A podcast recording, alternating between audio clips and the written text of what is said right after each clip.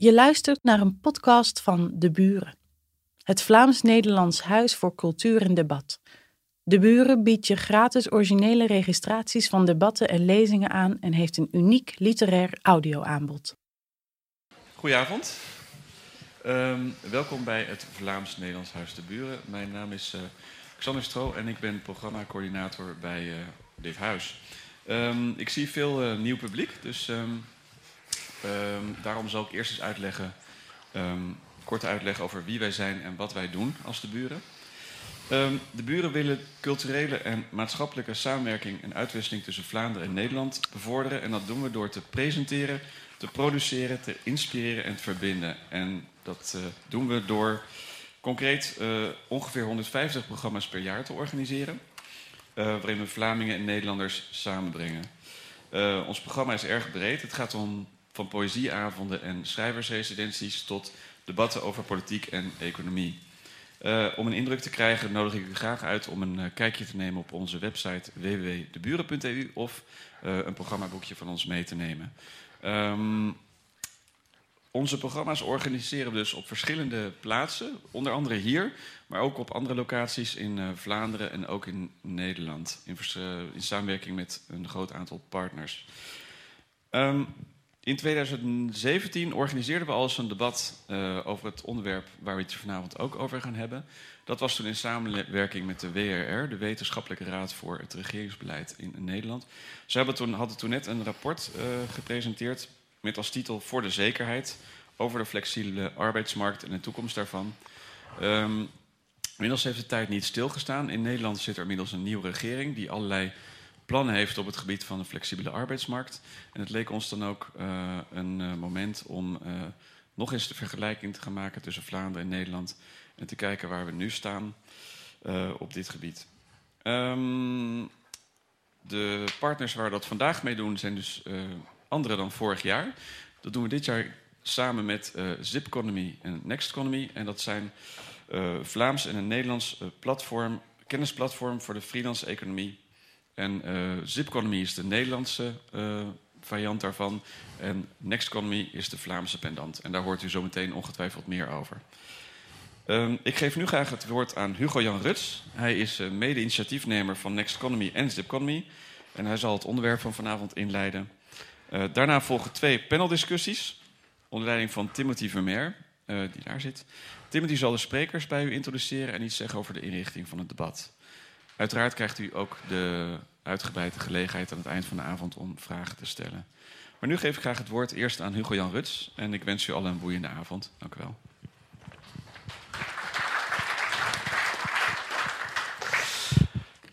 Ja, dank u wel. Fijn dat jullie er allemaal uh, zijn hier op deze avond. Ik ben Hugo-Jan Ruts. Ik heb uh, acht jaar geleden in Nederland een discussieplatform over uh, de freelance-economie opgestart. Dat heette Zipconomy, of dat heet nog steeds Zipconomy. En uh, een van de eerste dingen die ik deed was om uh, de, de, naam zipconomy.be ook maar even vast te leggen als domeinnaam. In, in de wens en ambitie om ooit uh, een, een, vergelijkbaar discussieplatform ook in, in Vlaanderen op te zetten. Dat had ook wat met familiebanden te maken. Ik kon nogal graag veel in Vlaanderen. Het heeft even geduurd voordat dat gebeurd is, maar ik kwam Marleen. waar zit Marleen? Ah, dag Marleen, Marleen tegen en uh, nou, om zo'n platform in, in Vlaanderen op te zetten heb je ook een Vlaamse partner nodig. Dat, uh, dat doen uh, Marleen en ik samen. Um, overweldigende belangstelling. Ik vertelde al twee, drie uurtjes geleden al dat, dat we deze zaal volgens mij makkelijk dubbel hadden uitverkocht gekregen als we nogal harder ons best hebben gedaan. Dus blijkbaar een interessant thema en een thema wat jullie, wat jullie interesseert. Uh, ik heb een behoorlijke ambitie op mij genomen. Dat is om ongeveer in 10 minuten vrees dat het misschien twaalf worden, jullie uit te gaan leggen wat nou het verschil tussen Nederland en Vlaanderen is als je het hebt over ons stelsel. Eén uh, stukje uit dat stelsel is schijnzelfstandigheid. Daar besteed ik in Nederland wel eens twee uur aan om dat proberen uit te leggen, als ik het al helemaal begrijp. Nou, dat is een flinke ambitie, toch is het denk ik belangrijk om eventjes uh, te doen. Ik wil voordat we beginnen uh, een aantal mensen alvast uh, enorm bedanken. Dat zijn ten eerste de panelleden die jullie zo meteen gaan zien. Ik wil de buren heel erg bedanken voor jullie aanwezigheid hier. En ik vind het ook wel nou, een warm gevoel dat een aantal mensen hier zijn uit Nederland gekomen die mee hebben gebouwd aan, aan Zip Economy. Ik zie daar twee van mijn trouwste bloggers zitten. Nou, dank jullie in ieder geval. maar we doen alle twee de platformen ook met kennispartners. Uh, daarom kunnen we dit soort avonden ook gratis uh, organiseren, zoals een kennis gratis uh, beschikbaar. Nou, uit Nederland zijn er ook een paar aanwezig. ik zie Patrick van Native en Staffing Management Services. De ABU is er, onze uitzendorganisatie. Uniforce en Hees is er, of zou komen, dat weet ik niet helemaal zeker. Ja, nou, dank jullie daarvoor. En we zijn ook in België gestart met een aantal partijen. En ik vind het ook erg leuk dat jullie er een aantal daarvan uh, zijn. Ik zie uh, iemand van Procured in ieder geval, uh, ProUnity denk ik. Um, TCP, VDIPO, de Vlaamse organisatie voor zelfstandigen en ADECO en 3W Interim Management. Dat zijn allemaal partijen die ons helpen om te doen wat we willen doen.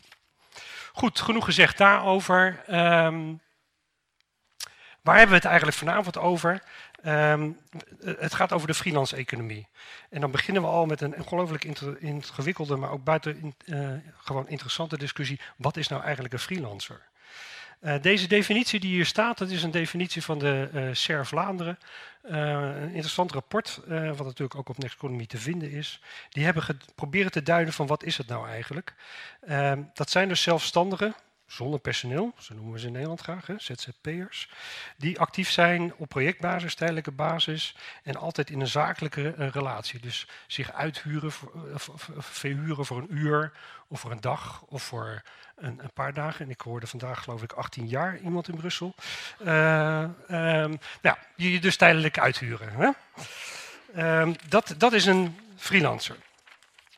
Dat zijn dus niet vrije beroepen. Dat zijn dus niet uh, uh, zelfstandigen met personeel. En dat zijn, die groep in Nederland is ook wel groot, zelfstandigen die of producten verkopen of die bijvoorbeeld voor particulieren werken. We hebben het alleen maar mensen die in een zakelijke relatie staan. Dat is waar de, de doelgroep waar we het over hebben. Die is nog steeds heel divers. Die is ook nog steeds heel groot. Dit komt ook bij de SER, vandaan, de, de, van Vlaanderen. Van hoeveel zijn dat er, dat nou?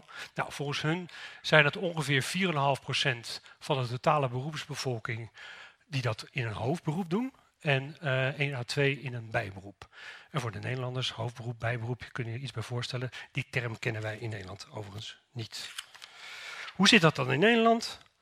Nou, dit zijn uh, cijfers van het CBS. En dit wordt natuurlijk ook altijd een beetje tricky om cijfers van iemand die hier voor mij zit uit te gaan leggen. Maar uh, wij hebben. Oh, iets te hard. We hebben in Nederland ongeveer anderhalf miljoen zelfstandigen of met een uh, ZZP-inkomen. Maar dat zijn ook allerlei verschillende mensen. Als je kijkt naar wat jullie dan hoofdberoep noemen, of het hoofdinkomen, dan is dat waar dit gedeelte, die alleen maar een inkomen hebben als zelfstandigen. Dus van die hele grote groep, wat veel Vlamingen altijd denken dat we heel veel zelfs uh, ZZP's hebben. Dat is zo, maar er zitten ook een heleboel die dat naast een vaste baan doen. Dit zijn nog niet de freelancers waar jullie het over hebben. Uh, dit plaatje is van mezelf. Uh, ik heb ooit eens proberen uit te rekenen, ook op basis van CBS-cijfers, van hoeveel ZZP'ers er dan in die B2B zitten. Nou, dan heb je een groep die hele korte opdrachten doen. Veel in de mediawereld, veel in uh, nou, ontwerp, dat soort zaken, journalistiek. die doen allemaal korte opdrachten. Dat zijn er, schat ik, in 200.000. En dan zijn er die lange opdrachten doen, en dat zijn er ongeveer 3,5 of uh, nee, de 200.000 en 350.000. Als je dat dan bij elkaar optelt, die twee, en afzet tegen het totale uh, aantal zelfstandigen die wij hebben, dan zitten we in Nederland en in Vlaanderen ongeveer op hetzelfde percentage. We hebben alle twee van de totale beroepsbevolking ongeveer 6% freelancers. Dus er zit niet zoveel verschil tussen. Dit is wel ook wel een belangrijk plaatje om even te laten zien wat het opleidingsniveau is. En dit zijn de hoger opgeleiden, de universitair opgeleiden. Dat is de grootste groep. Verreweg de grootste groep van alle zelfstandigen heeft een hogere opleiding. En relatief weinig hebben dan een lage opleiding. Dat is misschien ook wel goed voor de discussie om die er een beetje in een bepaald perspectief te zetten. Dit zijn Europese cijfers. Hoe hard groeit het nou? En, en hoe zit het op Europees niveau? Hè? Dit is ongeveer het gemiddelde. Nou, er zit uh, België, niet Vlaanderen, maar België, er iets onder en Nederland iets boven. En dit stukje is wel interessant, hè, want dit zijn de groeicijfers tussen 2008 en 2015. Het is in Nederland wel heel hard gegroeid.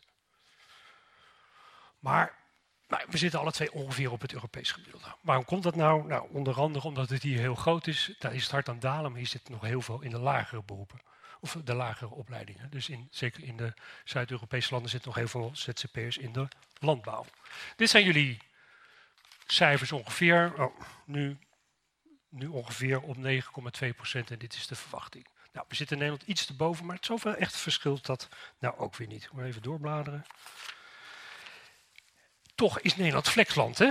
Voor veel, voor onszelf ook. Hè? Want we, we, we, hebben het vaak over doorgeschoten flexibilisering in Nederland. En dat hoor ik ook wel in de, in de Vlaamse pers af en toe. Dat we wel heel veel flex hebben in Nederland. Nou, dat klopt ook wel.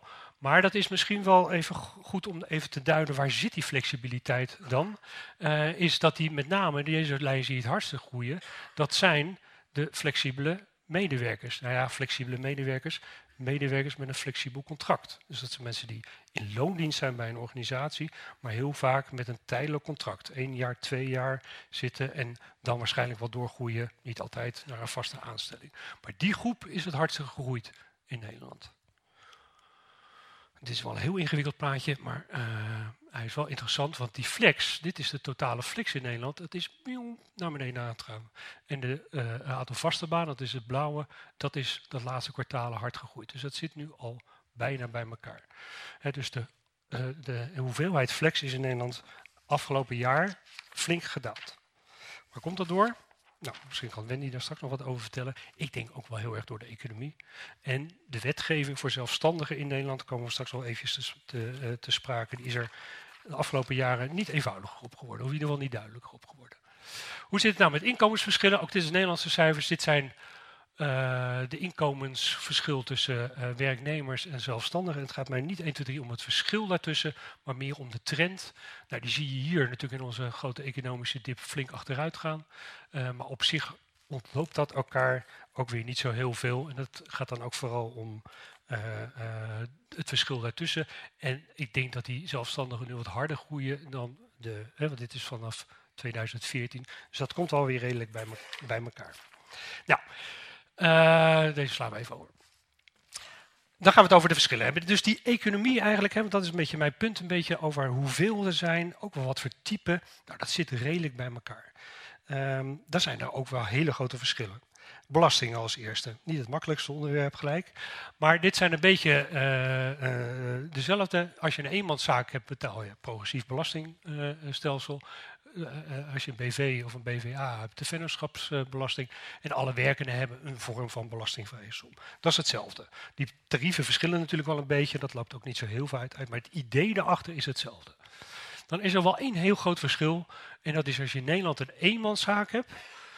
mits je zeg maar eventjes naar Vlaamse termen, een, een, een hoofdberoeper bent, dan krijg je behoorlijk wat aftrek. Je krijgt een extra aftrek, uh, dus over de, de, de eerste zoveel extra omzet betaal je geen belasting.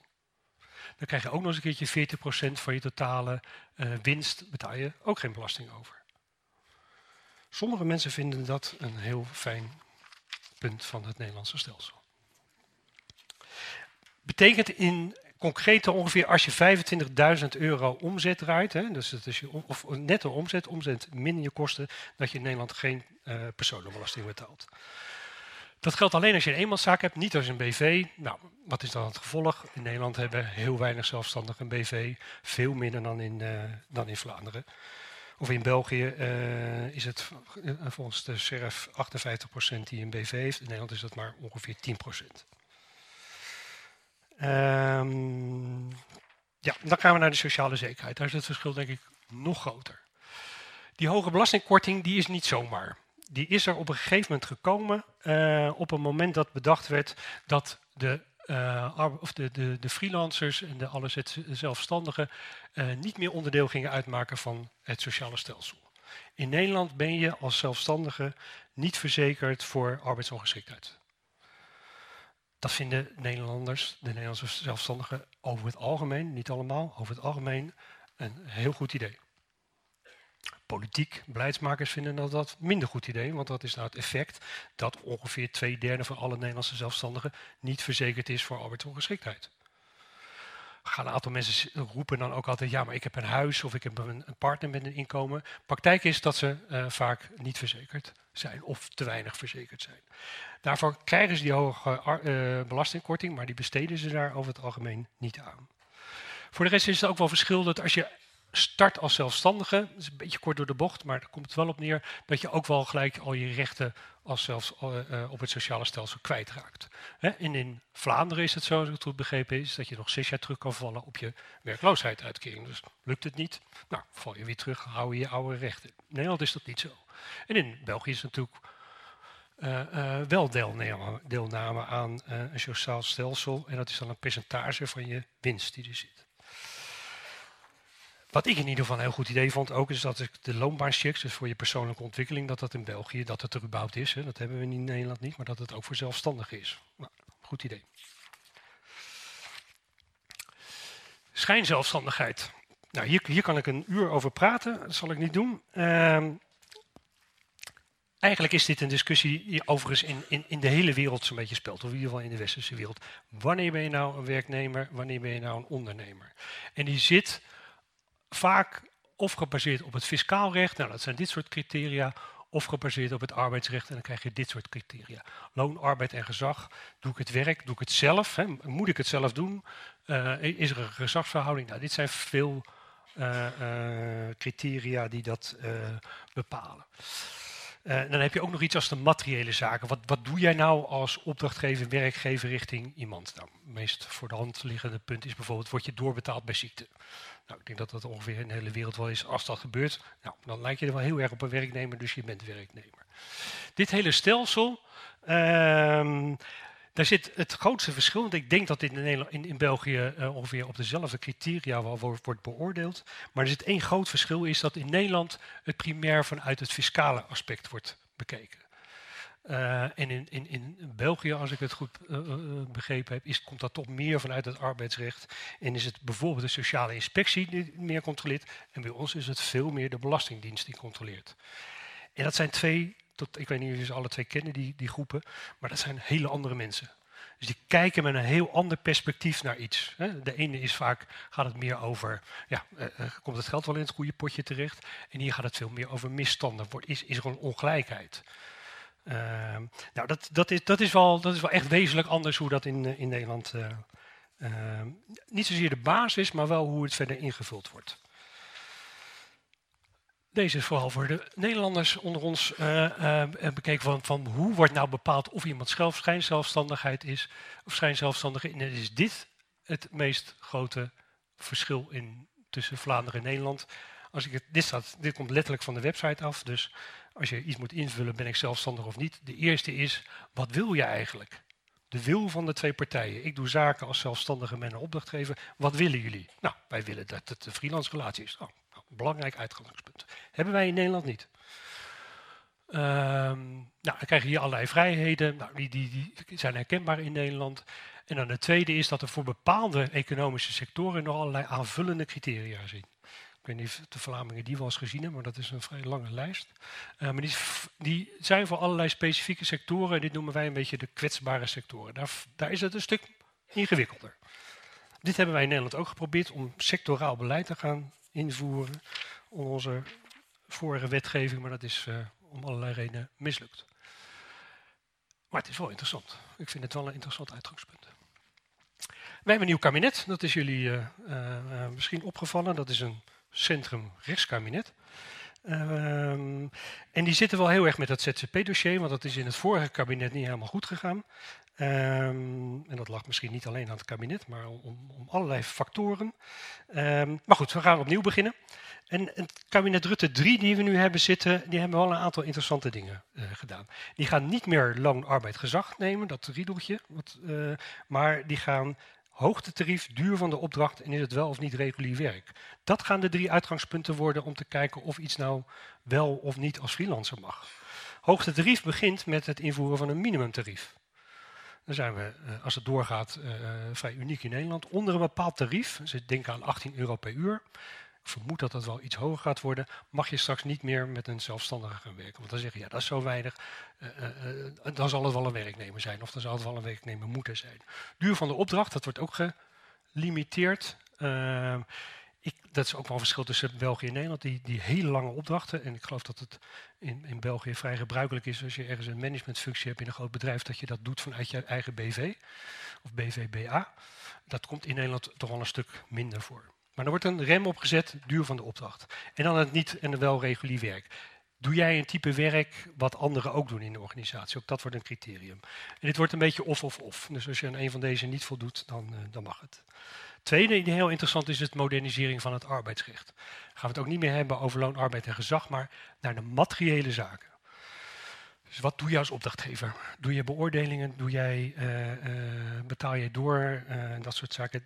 Daar wordt het arbeidsrecht op gemoderniseerd. Ik moet dat nog zien gebeuren, maar dat klinkt op zijn minst wel interessant.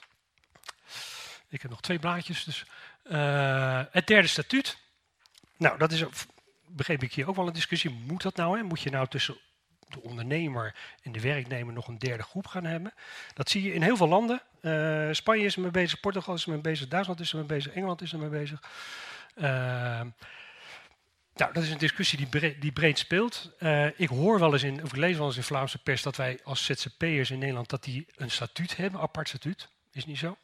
Het, het, het, de term ZZP komt niet in de Nederlandse wetgeving voor. We hebben twee smaken eigenlijk, werknemer en ondernemer. Er is niet een apart statuut, statuut voor zelfstandigen. Wordt wel over gesproken, om die misschien een plek te, uh, te geven daarin.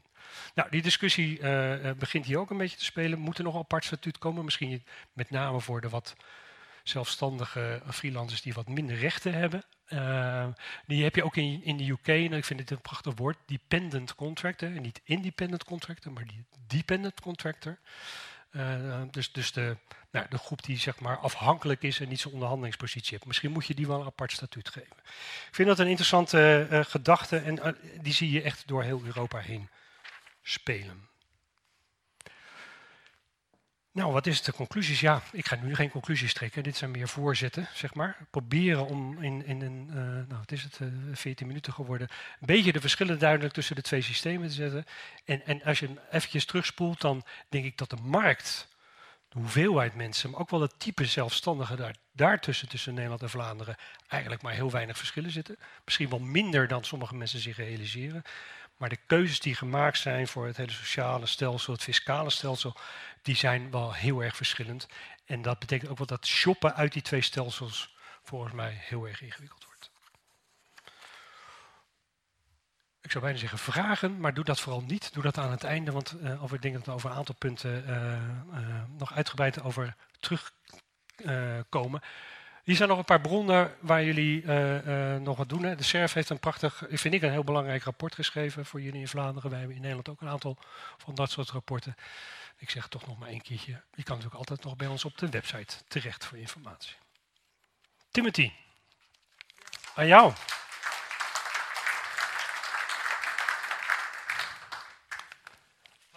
Hallo, uh, en ook namens mij hartelijk welkom uh, vanavond hier bij uh, de buren. Ik vind het altijd vreemd, ik ben bij de buren. Dat lijkt alsof ik het huis naast dat van mij ben. welkom in elk geval ook van mij. mijn naam is Timothy Vermeer en ik heb hier de zeer bescheiden rol om de gesprekken die we zo meteen gaan voeren een beetje in de goede baan te leiden. Ik ga ook heel goed opletten, want ik ben een van de weinige freelancers die hier van vooraan zal zitten. Dus het gaat ook een klein beetje over mij. Um, we hebben vijf panelleden, vijf mensen die in debat gaan gaan deze avond. Uh, omdat vijf uh, niet alleen heel ongemakkelijk is op dat podium, dat dan toch misschien iets te krap zou zijn, maar ook qua uh, gesprek misschien niet de juiste dynamiek zou geven. Om niet te zeggen dat het dan echt een gekakel door elkaar zal worden, hebben we dat opgedeeld in twee delen. Zometeen, na het eerste deel, hebben we een ehm, debat waar we het meer gaan hebben over politiek, over politieke keuzes, over de gevolgen van politieke keuzes ook. waar we gaan kijken wat België, Vlaanderen kan leren van Nederland en uh, misschien ook wel andersom. Dat is het tweede debat. Uh, eerst hebben we nog een ander uh, debat waar twee sprekers ehm, gaan aan deelnemen hier. en dat is een debat dat veel meer met twee academici, twee ehm, experten is, over het beleid, over de cijfers, over de realiteit die achter die cijfers zit, over het arbeidsrecht en wat dat allemaal mogelijk maakt en wat niet. Ik heb nog een aantal praktische zaken, zoals Hugo Jan zei. We gaan de, de, vragen opsparen tot op het einde. Op het einde komen alle panelleden vooraan zitten en dan kan u erop losvragen. Kunnen ze eventueel ook nog eens met elkaar in debat gaan als dat uh, relevant zou zijn. Mocht u nu op een bepaald moment iets niet begrepen hebben, of u bent niet mee in het verhaal, of u wil verduidelijken over een bepaald cijfer dat zal gegeven hebben, onderbreek dan even, dat is geen enkel probleem, dan, uh, dan geven we die verduidelijking uh, meteen. Voilà. Uh, ik had uh, mijn gsm genomen, maar ik zie dat daar een klokje is. Uh, dus ik kan ook een beetje volgen. Het zijn twee debatten van telkens een half uur. En nadien gaan we een half uur discussie hebben met jullie daarbij.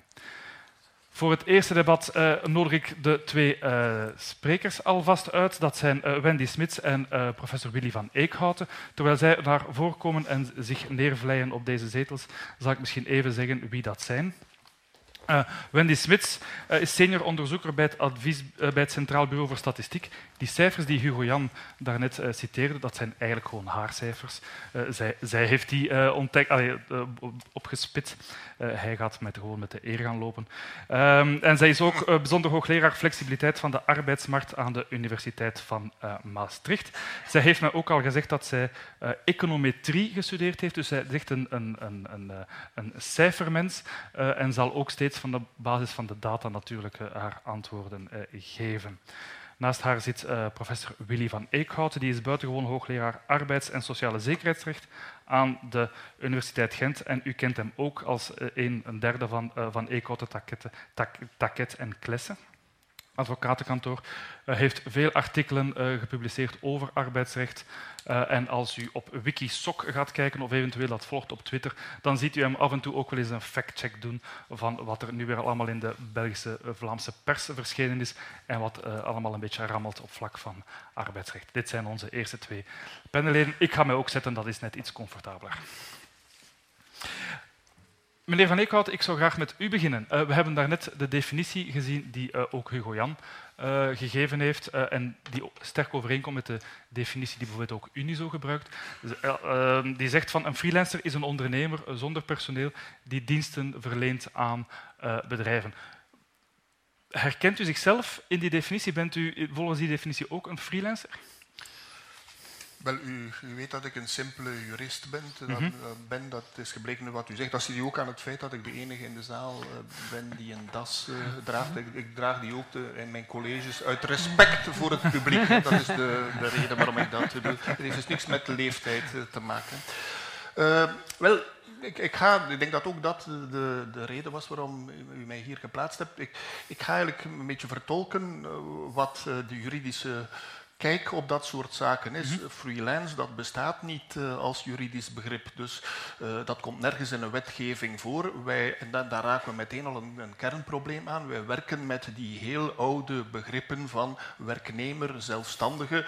Uh, en, en, u sprak van een derde statuut, of de inleider van een derde statuut, maar mhm. eigenlijk zou ik kunnen zeggen een vierde. We hebben ook nog ambtenaren. Hè. We zijn zo wel snel aan het afbouwen, maar eigenlijk is een soort vierde statuut dat we mm -hmm. zouden hebben. Wij werken nog met, een, laten we maar zeggen, een 19e eeuw eeuws apparaat. Dus, en dat is, als u mij vraagt, wat is voor u een freelancer? Dat is voor mij geen juridisch relevante vraag. Mijn vraag is onmiddellijk, klik als jurist, in welk hokje ga ik hem stoppen? En ik denk dat daar de, de fout ligt. Ik ben dan al aan het anticiperen op een ander deel, waarschijnlijk van uw vragen. Het is van dat denkpatroon, denk ik, dat we af, dringend af moeten, twee eeuwen later zijn. -hmm. Maar wat meneer Van Eekhout aanhaalt, is eigenlijk wel een, een, een belangrijk probleem voor u, Centraal Bureau voor Statistiek, die wil weten hoeveel freelancers er nu precies zijn. Uh, als ik het goed begrepen heb, is dat een bijzonder moeilijke vraag voor uh, een onderzoeker zoals u. Um, nou ja, wat we zien, um, als je gaat kijken, uh, wil gaan meten hoeveel zelfstandigen er bijvoorbeeld in Nederland zijn en hoeveel werknemers er zijn, dan kun je dat op verschillende manieren doen. En je kunt dat via een enquête doen. Je kunt mensen vragen van ja, wat voor posities zij op de arbeidsmarkt innemen. En uh, van oudsher vragen we dan, uh, ja, heeft u een baan als werknemer of bent u uh, werkzaam in een, een, eigen bedrijf of praktijk? Maar we zien dat in de afgelopen jaren die Nederlandse arbeidsmarkt in rap tempo is geflexibiliseerd. En er zijn steeds verschillende constructies zijn er ontstaan. En dat maakt het ook steeds moeilijker om dat goed in kaart te brengen, omdat ook mensen zelf vaak niet goed meer weten wat voor type contract ze nou eigenlijk hebben. En uh, daarbij komt dat uh, het vaak ook heel hybride is. Er zijn mensen die zijn werkzaam als zelfstandigen en die antwoorden ook dat ze zelfstandigen zijn. Maar die hebben daarnaast bijvoorbeeld nog, nog ook nog een baan als werknemer. Verder zijn er ook allerlei uh, con uh, constructies via, via payrolling bijvoorbeeld. Mm -hmm. Want dan heb je uh, zelfstandigen die soms via een payroll-constructie werken. Ja, die zijn dan deels zelfstandigen en, en, en deels werknemer. En um, dus dat wordt steeds lastiger om dat goed aan mensen te vragen. En daarnaast een, een andere mogelijkheid om uh, um, te kijken van wat, wat uh, mensen doen, is, is via registraties. We hebben in Nederland, uh, het Centraal Bureau voor de Statistiek, maken we gebruik van heel veel registraties. Bijvoorbeeld van de Belastingdienst, maar ook registraties van werkgevers. En ook daar hebben we informatie over de positie van mensen. Maar dan zien we dat dat heel vaak ook niet, niet meer blijkt te stroken van Mhm. wat mensen zelf zeggen en wat je in die registraties terugziet. En dat komt bijvoorbeeld omdat je van in een registratie eh, via een payroll-constructie, ja, dan heb je het statuut van een, een werknemer, terwijl iemand zelf vindt dat hij zelfstandig is. Dus dat wordt met de jaren steeds lastiger om Mhm. goed in kaart te brengen. En dus als ik het goed begrepen heb, ehm, als we het hier vandaag zouden willen hebben over de ZZP'er of de freelancer of geef het kind gelijk welke naam. Ja, dat is eigenlijk een vrij zinloze discussie, want het gaat over een heel breed spectrum aan mensen die zich eh, misschien het ene voelen, maar het andere fiscaal zijn en het andere sociaal-rechtelijk zijn. Nou ja, wa- wat vooral speelt is dat het een, een bijzonder heterogene groep is. En dat je heel specifiek moet zijn over, over welke groep je het eigenlijk hebt in de discussie. Want als je Mhm. het hebt over de zelfstandige of over de, de ZZP'er, dan vallen daar zoveel verschillende groepen onder in Nederland. Ehm, dat een discussie ook vrij zinloos wordt, omdat verschillende mensen een verschillend idee hebben bij wie die ZZP'er nou eigenlijk is. Mhm. Ehm, maar we, daar is natuurlijk wel meer informatie over te vinden. En we hebben daar ook meer informatie over. Ehm, zoals Hugo Jan al zei, je kunt een onderscheid maken tussen ZZP'ers die eh, producten verkopen en ZZP'ers die hun eigen diensten aanbieden. Eh, je kunt kijken naar het soort beroep wat die ZZP'ers uitoefenen. Maar dat is allemaal achtergrondinformatie die je mee moet nemen. Het is vrij zinloos om uitspraken te doen over de ZZP'er in, in Nederland. Maar natuurlijk, als ik mag, dat, datzelfde heb je ook als je het hebt over een werknemer. Hè. Een, een CEO van een bedrijf is een werknemer, een kassierster in een warenhuis is een werknemer. Je hebt ook een enorm spectrum aan, eh, als je het hebt over een gewone zelfstandige die geen freelancer, de landbouwer is een zelfstandige en de topadvocaat is een zelfstandige. En ik denk dat nog eens terugkerend op wat ik in het begin zei, daar zit hem de kern van het probleem. We hebben zodanige variatie in arbeidsverhoudingen dat we die niet meer kunnen vatten met de, de klassieke eh, categorieën die we hebben. En ook niet door, denk ik, door daar nog een, een categorie bij te maken van freelancers. We gaan daar nooit grip op krijgen, denk ik. Ehm, in Nederland heb je nu, het, eh, Hugo Jan hield eh, heeft het ook al aangehaald, het nieuwe kabinet Rutte 3 met een, een, een nieuwe regeling voor ZZP'ers, waar de Nederlanders in de zaal waarschijnlijk veel meer van afweten dan ik zelf. En de details zijn misschien ook niet zo belangrijk, maar, maar het is ook een reactie op, zoals ik het begrepen heb, een flexibilisering die, die heel ver gegaan is. Is, één, is, dat, is het een probleem, die flexibilisering? Is die te ver gegaan in Nederland en moet die dan op een, een of andere manier een beetje ingetoomd worden? En eh, deel B van de vraag is natuurlijk, is dat antwoord van, dat Rutte daarop geformuleerd heeft een, een, een goed antwoord? Ja, die flexibilisering in Nederland is, is, is veel breder dan alleen de, de ZZP'er en, Mhm. en de freelancers. Ehm, je ziet die flexibilisering eigenlijk eh, over de, de gehele arbeidsmarkt. Je ziet een, enorme groei aan, aan, aan oproepkrachten bijvoorbeeld, eh, aan uitzendkrachten, maar ook aan mensen die op tijdelijke contracten werkzaam zijn. En die groep is, is ontzettend verscheiden, ook in, in, in, het, in hun, hun kansen op de arbeidsmarkt. Je hebt mensen die hebben lange tijdelijke contracten en die verdienen daar gewoon jarenlang gewoon een, een goede boterham mee. Dus die diversiteit is enorm. Dus de problematiek is misschien niet zozeer die, die flexibilisering, maar de kwetsbare groep aan de onderkant. En die vind je eh, zowel eh, bij de ZZP'ers, maar ook, m- m- misschien wel vooral ook nog onder, onder werknemers die eh, op flexibele basis werken. Mhm. Dus als je naar die problematiek van die flexibilisering kijkt, is het naar mijn idee heel belangrijk om te kijken over welke, welke mensen heb je het. Mhm. Zijn het mensen eh, aan de onderkant van de arbeidsmarkt met weinig opleidingen, weinig perspectief op, op, op, een doorgroei op den duur? Of gaat het op, aan de bovenkant van de arbeidsmarkt waar mensen een goede boterham verdienen en die zeker, onzekerheid zelf kiezen? En zijn die criteria die Rutte dan eh, Rutte, het kabinet, eh, heeft geïntroduceerd, eh, die Hugo Jan daarnet ook al aangehaald heeft, namelijk dat, dat uurtarief, die duurtijd, zijn dat, zijn dat in uw zinvolle criteria om, om dat onderscheid te maken tussen die mensen die extra bescherming nodig hebben en die mensen die het eh, heel goed doen, want, eh, want die hun tarief is, is, is, is hoog genoeg. En, en heb, je, heb jij of heeft het kabinet beeld op wie allemaal in die, in die categorie valt die ze nu eh, gaan extra beschermen? In, in zekere zin, als je het hebt over mensen met, met lagere tarieven, dan Mhm. is dat natuurlijk inderdaad de kwetsbare groep. Mhm. Ehm, maar de- vraag is of die kwetsbare groep daar nu ehm, gelijk al mee geholpen is. Want als het alternatief een andere onzekere, tijdelijke, slecht betaalde baan is met weinig vooruitzichten, maar wel als werknemer, ja, dan, dan is de winst misschien niet zo heel groot. Eh, en daarnaast, ehm, we hebben nu eigenlijk weinig zicht op welke groep nou echt te maken heeft met hele lagere tarieven, omdat we in Nederland eigenlijk geen informatie hebben nog voor de arbeidsmarkt als geheel van, eh, ja, over, die, over die tarieven. We weten niet wat die uurtarieven zijn en we weten ook niet wat de declarabele uren zijn van die ZZP'ers. Dus we hebben wel informatie over inkomens en we weten ook welke groepen eh, ehm, het moeilijker hebben. Ehm, maar we weten niet of dat aan lage tarieven ligt of aan te weinig opdrachten bijvoorbeeld. Eh, professor Van Eekhouten, u hebt eh, mij daarnet eh, laten weten dat u deze ochtend het, het akkoord, of op zijn minst toch het stukje over de, de ZZP, ehm, hebt gelezen in, in Nederland. Of niet in Nederland gelezen, maar het akkoord in Nederland hebt gelezen, misschien wel in Gent.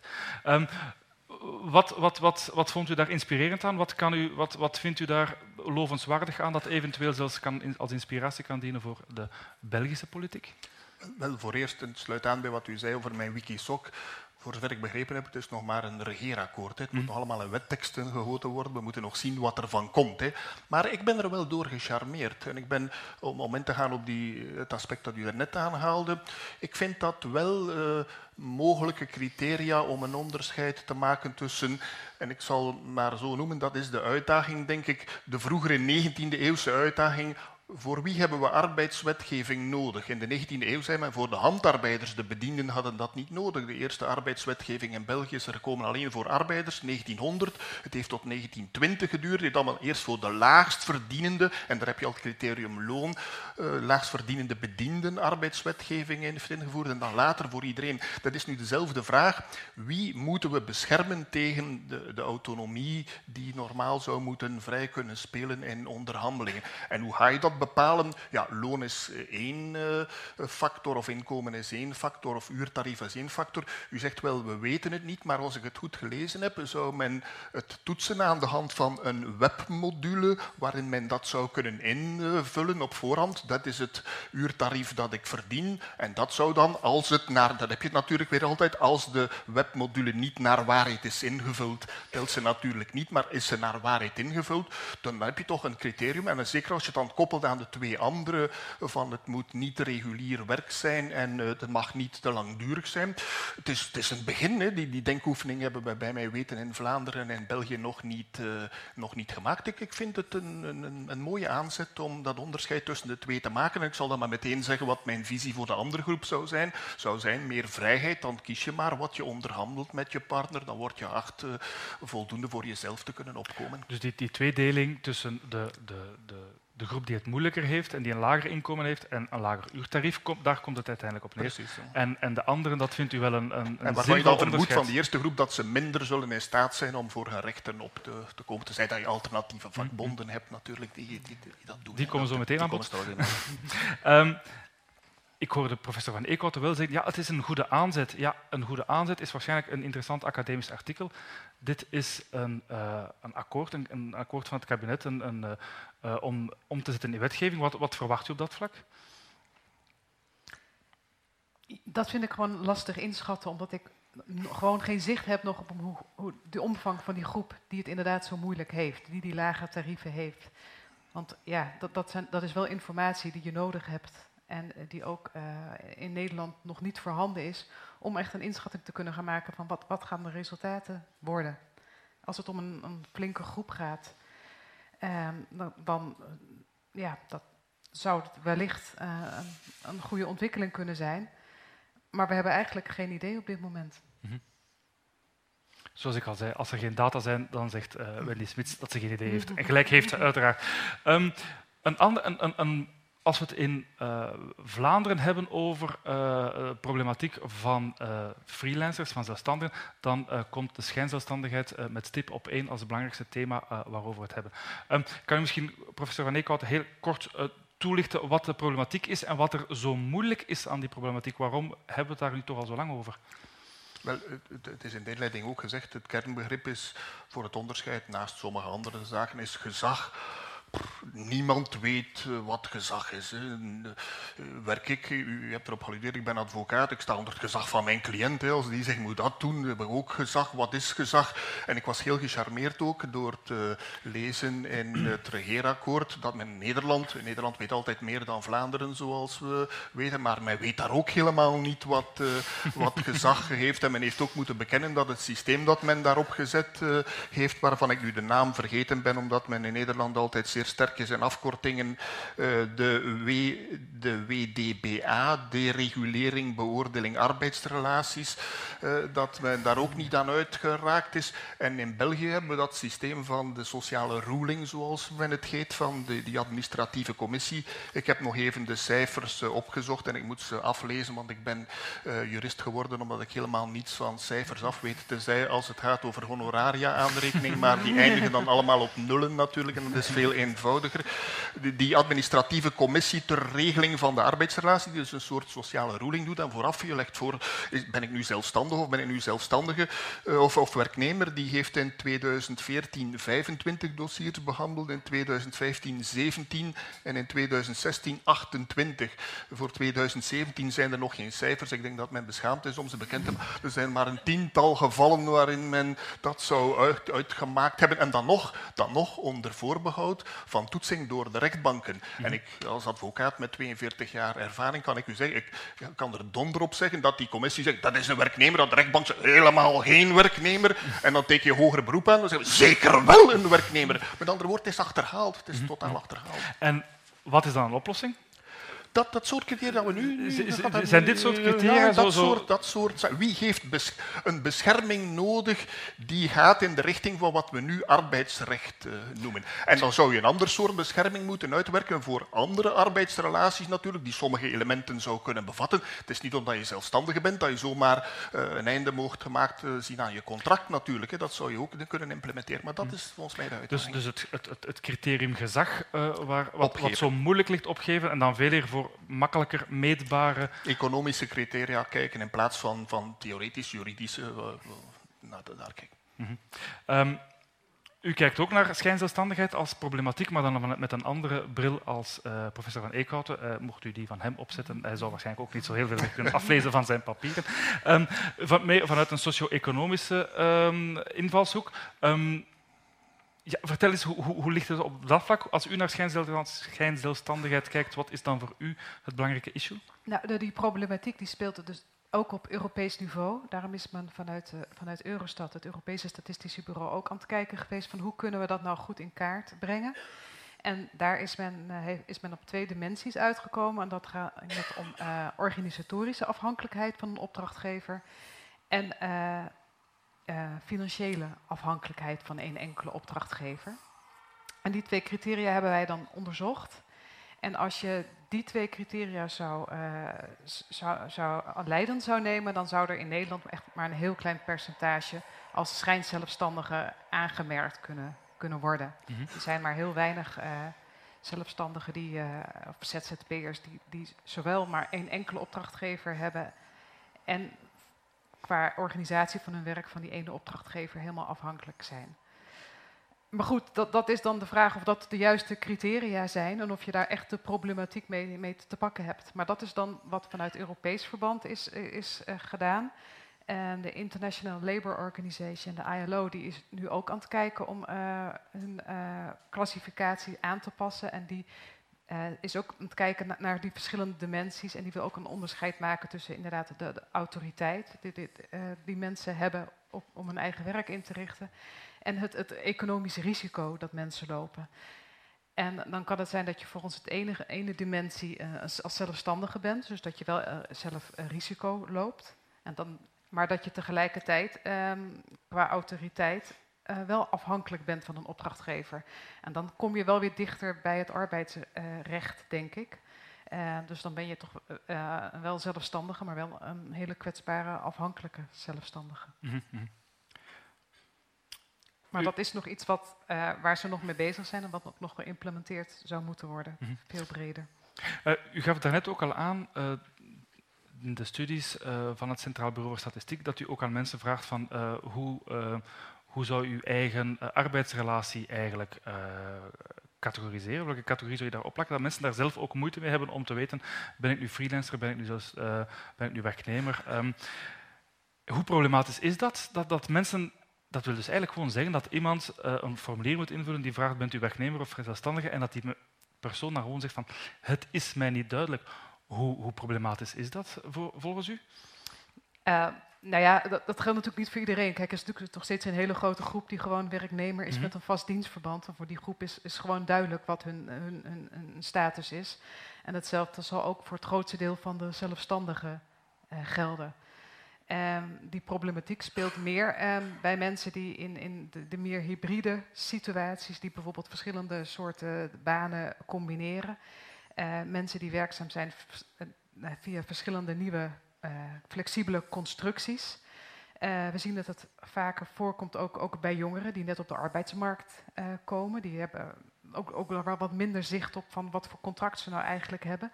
Dus je ziet het zit echt bij specifieke groepen. Het is niet helemaal breed over de hele arbeidsmarkt, dat niemand meer zou weten wat voor uh, arbeidsrelatie die. Laat het hopen van niet. Ja. Um, we hebben het daarnet al gehad over dat aparte statuut. Daar gaan we zo meteen nog in het volgende debat zeker op terugkomen. Um, maar is dat een oplossing om, om, om, om daar gewoon nog een categorie tussen te hangen en te zeggen van kijk, voilà, dit zijn de, de zelfstandigen, de ondernemers, dit zijn de werknemers.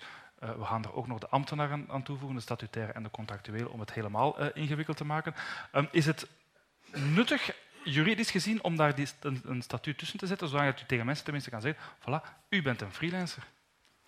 Wel, ik denk dat het eigenlijk eerder omgekeerd moet komen voor een stuk dan toch behouden ze die categorie die je moet beschermen en die je moet een statuut opdringen, te, tegen, soms tegen beter weten uh, in. Maar voor de anderen moet je, denk ik, zouden we moeten gaan naar een situatie uh, waarin men voor zijn eigen verantwoordelijkheid wordt gesteld voor een stuk dan toch. En dat komt ook in, dat was ook een van de zaken. Nou, ik ben niet vaak gecharmeerd door. Eigenlijk wel, ik ben lid van de vereniging met de lange naam, zal ik maar even zeggen, die, die u niet kent. Dus de juristen misschien, het is nogal een besloten club. Die, de, de, vereniging met de lange naam heeft, toch, heet officieel de Vereniging voor de Vergelijkende Studie van het Recht van België en Nederland. Wij komen ieder jaar bijeen om thema's te, te bespreken. En daarom ben ik heel gelukkig ook hier in de buren te zijn om om een keer een stuk meer culturele kant of een andere culturele kant te gaan. Maar ik was ook gecharmeerd, om nog maar eens dat woord te gebruiken, door die, die zaken die, die voorkomen in uh, de regeringsprogramma van Rutte 3, van, waar toch dikwijls gezegd wordt, uh, men moet toch ook niet alle verantwoordelijkheid bij een werkgever gaan leggen of bij de opdrachtgever of degene voor wie men gaat werken. Je moet toch ook aan je eigen verantwoordelijkheid denken. En ik vond het, uh, ik wist eigenlijk niet dat twee derden van de Nederlandse zelfstandigen niet verzekerd zijn voor arbeidsongeschiktheid. In België was dat ook zo, maar wel voor 1972. Hè. Dat, uh, ik denk dat dan uh, had men er niet verplicht uh, gemaakt, dat het ook nog niet... Het doet mij een beetje denken aan Obamacare. Van no way, ja, men wil zoveel mogelijk inkomsten en zo, zo weinig mogelijk bescherming. Je moet dat in de maatschappij van, van vandaag voor een stuk, denk ik, toelaten. een, een groot debat, maar het is een ander debat waar ik niet op ingaan. Ik denk dat sociale zekerheid, solidariteit van de gemeenschap een minimumbasis zou moeten zijn en voor de rest vul je dat zelf in. Zeg je, ja, mijn toekomst interesseert mij minder en ik wil niet aan pensioen sparen doen enzovoort. Ik wil daar nu niet voor bijdragen. Ik wil netto inkomen, besteedbaar inkomen. Kies er dan voor en, en wees dan wat we nu sociale zekerheidsgewijze noemen zelfstandige. Zeg je, ja, maar ik ben bezorgd om mijn toekomst en ik wil, kies dan voor een meer, meer optioneel uh, iets. Maar altijd met een bescherming voor degenen die uh, het, uh, de, de verkeerde keuzes zouden kunnen maken en met een minimum aan solidariteit natuurlijk, minimum pensioen en minimum arbeidsongeschiktheidsuitkering, maar ik zou dan zeggen voor iedereen, ook voor de Nederlandse zelfstandigen. Ik heb uh, van uh, uh, Marleen en Hugo Jan ook de opdracht gekregen om uh, niet te veel te hebben over de, de platformeconomie en de gig-economie en, en de uberisering en wat zijn nog een aantal hippe termen. Ik ga het toch doen, we moeten, we moeten het toch even aanhalen. Die vrijheid nemen we dan. Ik heb een micro en jij niet. Um, mevrouw Smits, is um, we gaan niet proberen de uberisering van de arbeidsmarkt te definiëren, maar hebt u de indruk dat dat, dat, dat iets is dat speelt? Allee, moet ik het thema aan, aan, aan bod laten komen? Het is zeker iets wat speelt en wat waarschijnlijk ook wel gaat toenemen de komende jaren. Hm. Maar momenteel is dat in Nederland nog niet zo heel groot uh, als je dat gewoon in, in, aan aantallen werkenden gaat En u, u, u, bent de vrouw van de cijfers. Kan u daar aantallen op plakken, grosso modo? Dat is heel gevaarlijk, uh, een hele gevaarlijke vraag, uh, grosso modo, aan een econometriste. nee, nee die, cijfers hebben we nog niet, niet heel duidelijk. Um, dus op zich, um, je, het aantal platforms in Nederland is natuurlijk nog niet zo heel groot. Um, dus daar hebben we nog geen cijfers over. En ook daar, ja, da, dan krijgen we opnieuw weer het probleem van hoe gaan we dat op een goede manier meten. Vooral dan mensen die dan nog via meerdere platforms uh, gaan werken. Dus dat is iets wat er wel in de toekomst wel veel meer aandacht aan besteed moet gaan worden. Om dat uh, boven tafel te krijgen. Mm. Meneer Van Eekhout, is dat iets waar we um, schrik voor moeten hebben? Dus het is, het is uh, embryonaal, het is nog zeer klein, uh, horen we net. Maar is dat een, een, een, evolutie waar we ons een beetje zorgelijk naar moeten kijken en waar misschien ook het recht een, een antwoord op moet kunnen formuleren? Schrik moeten we er niet voor hebben. Je moet nooit schrik hebben voor de toekomst. Je moet uitdagingen aan, aangaan en, en overwinnen, uh, in de, om het goed uit te drukken. De, het probleem is dat je dat niet kunt met het huidige apparaat. En laat ik drie vormen van die platformen nemen en, en, en proberen te duiden met het huidige apparaat. Airbnb. Ja, daar kan je toch moeilijk een werkgever in onderkennen of een opdrachtgever. Dat is gewoon een tool, zou ik zeggen. Dus dan zou je zeggen, die zijn per definitie zelfstandigen. Moet je daar iets aparts voor hebben? Ik denk het eigenlijk niet. Hè. Dat, het is toch niet, ik, ben begonnen zelfs als advocaat met uh, video-antwoorden te geven. Uh, doe ik daarom iets anders dan een consultatie in mijn, mijn kantoor. Dat is precies hetzelfde. Dat is maar de tool, zoals Gilde Heijsa over je wordt ontslagen wegens een Facebook iets. Ja, dat is maar een, dat dat nu met een brief is of met iets op Facebook, dat is uh, niet zo relevant. Dus daar zou ik zeggen, niet relevant. Het is iets anders worden. Als je het hebt over uh, Uber, ja, dan, dan zit je al met dat speciaal statuut, sociale zekerheidsstatuut dat we hebben voor taxibedrijven. Zit je al met de vraag, is dat een taxibedrijf?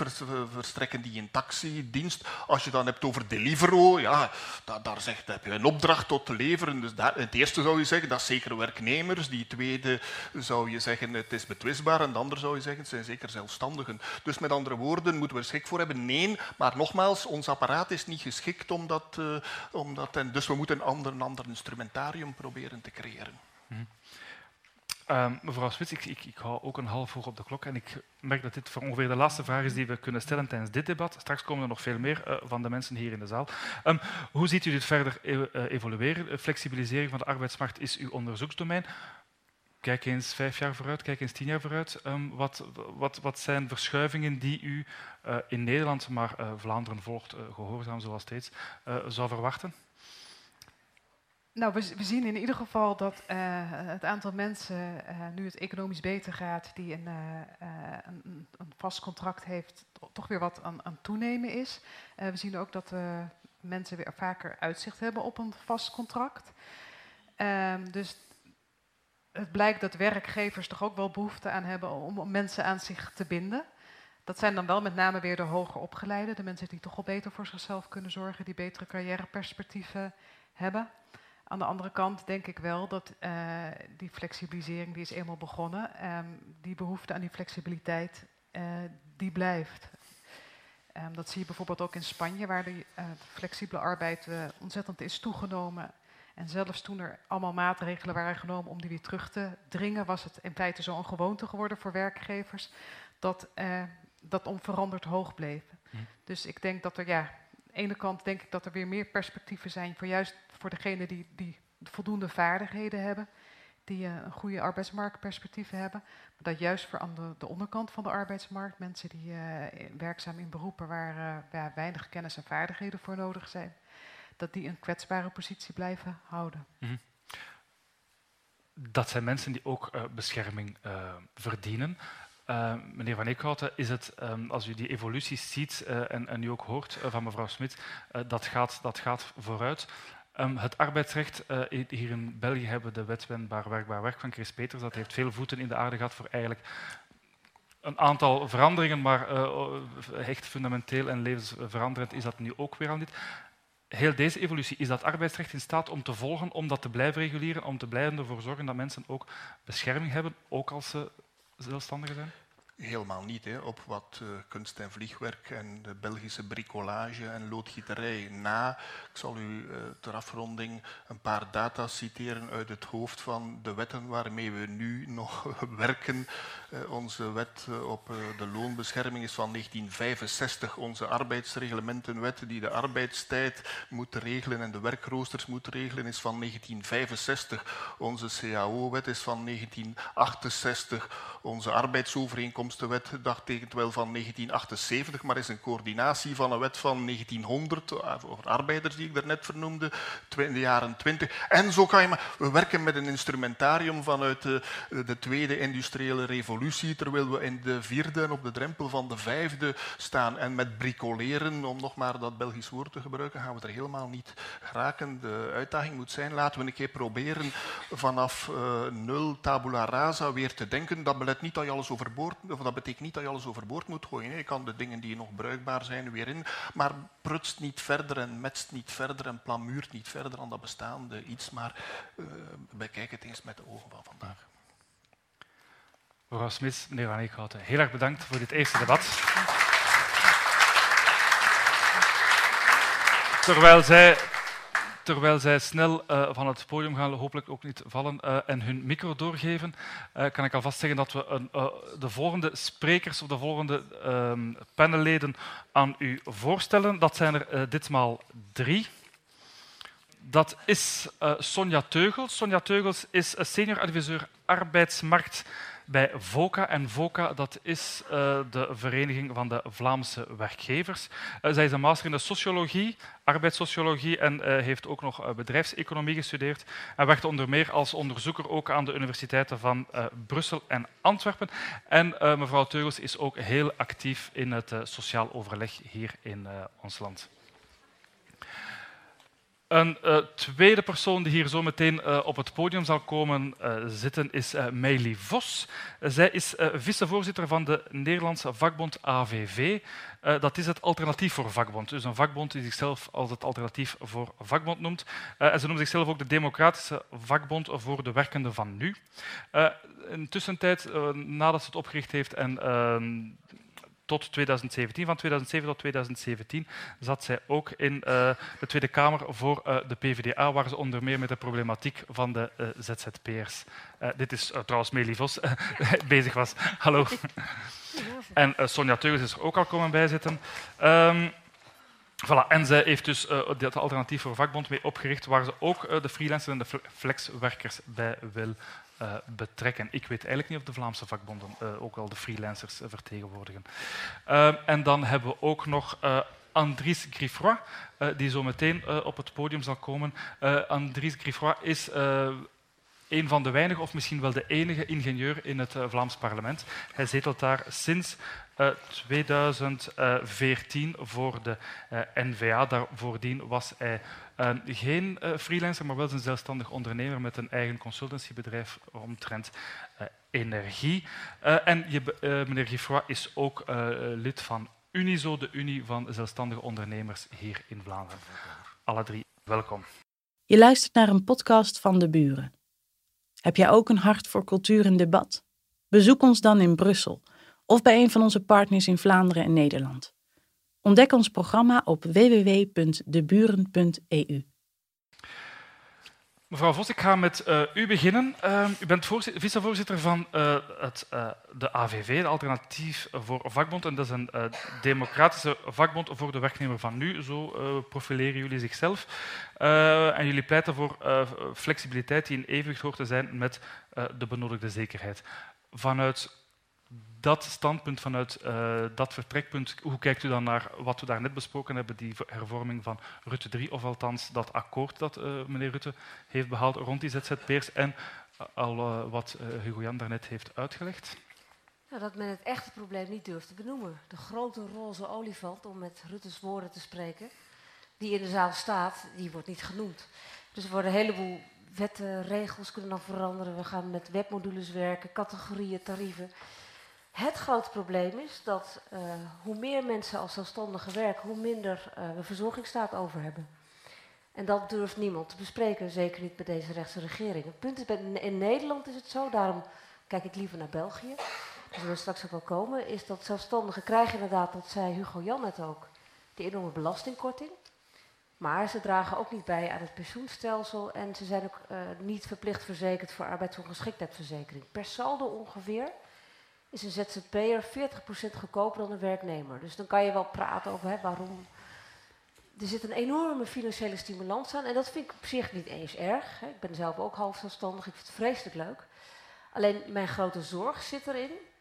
Dat we eigenlijk een staat naast de staat krijgen in Nederland. Voor allemaal mensen die dus wel werken. Maar geen, uh, niet betalen aan de verzorgingsstaat en ook er geen recht aan hebben.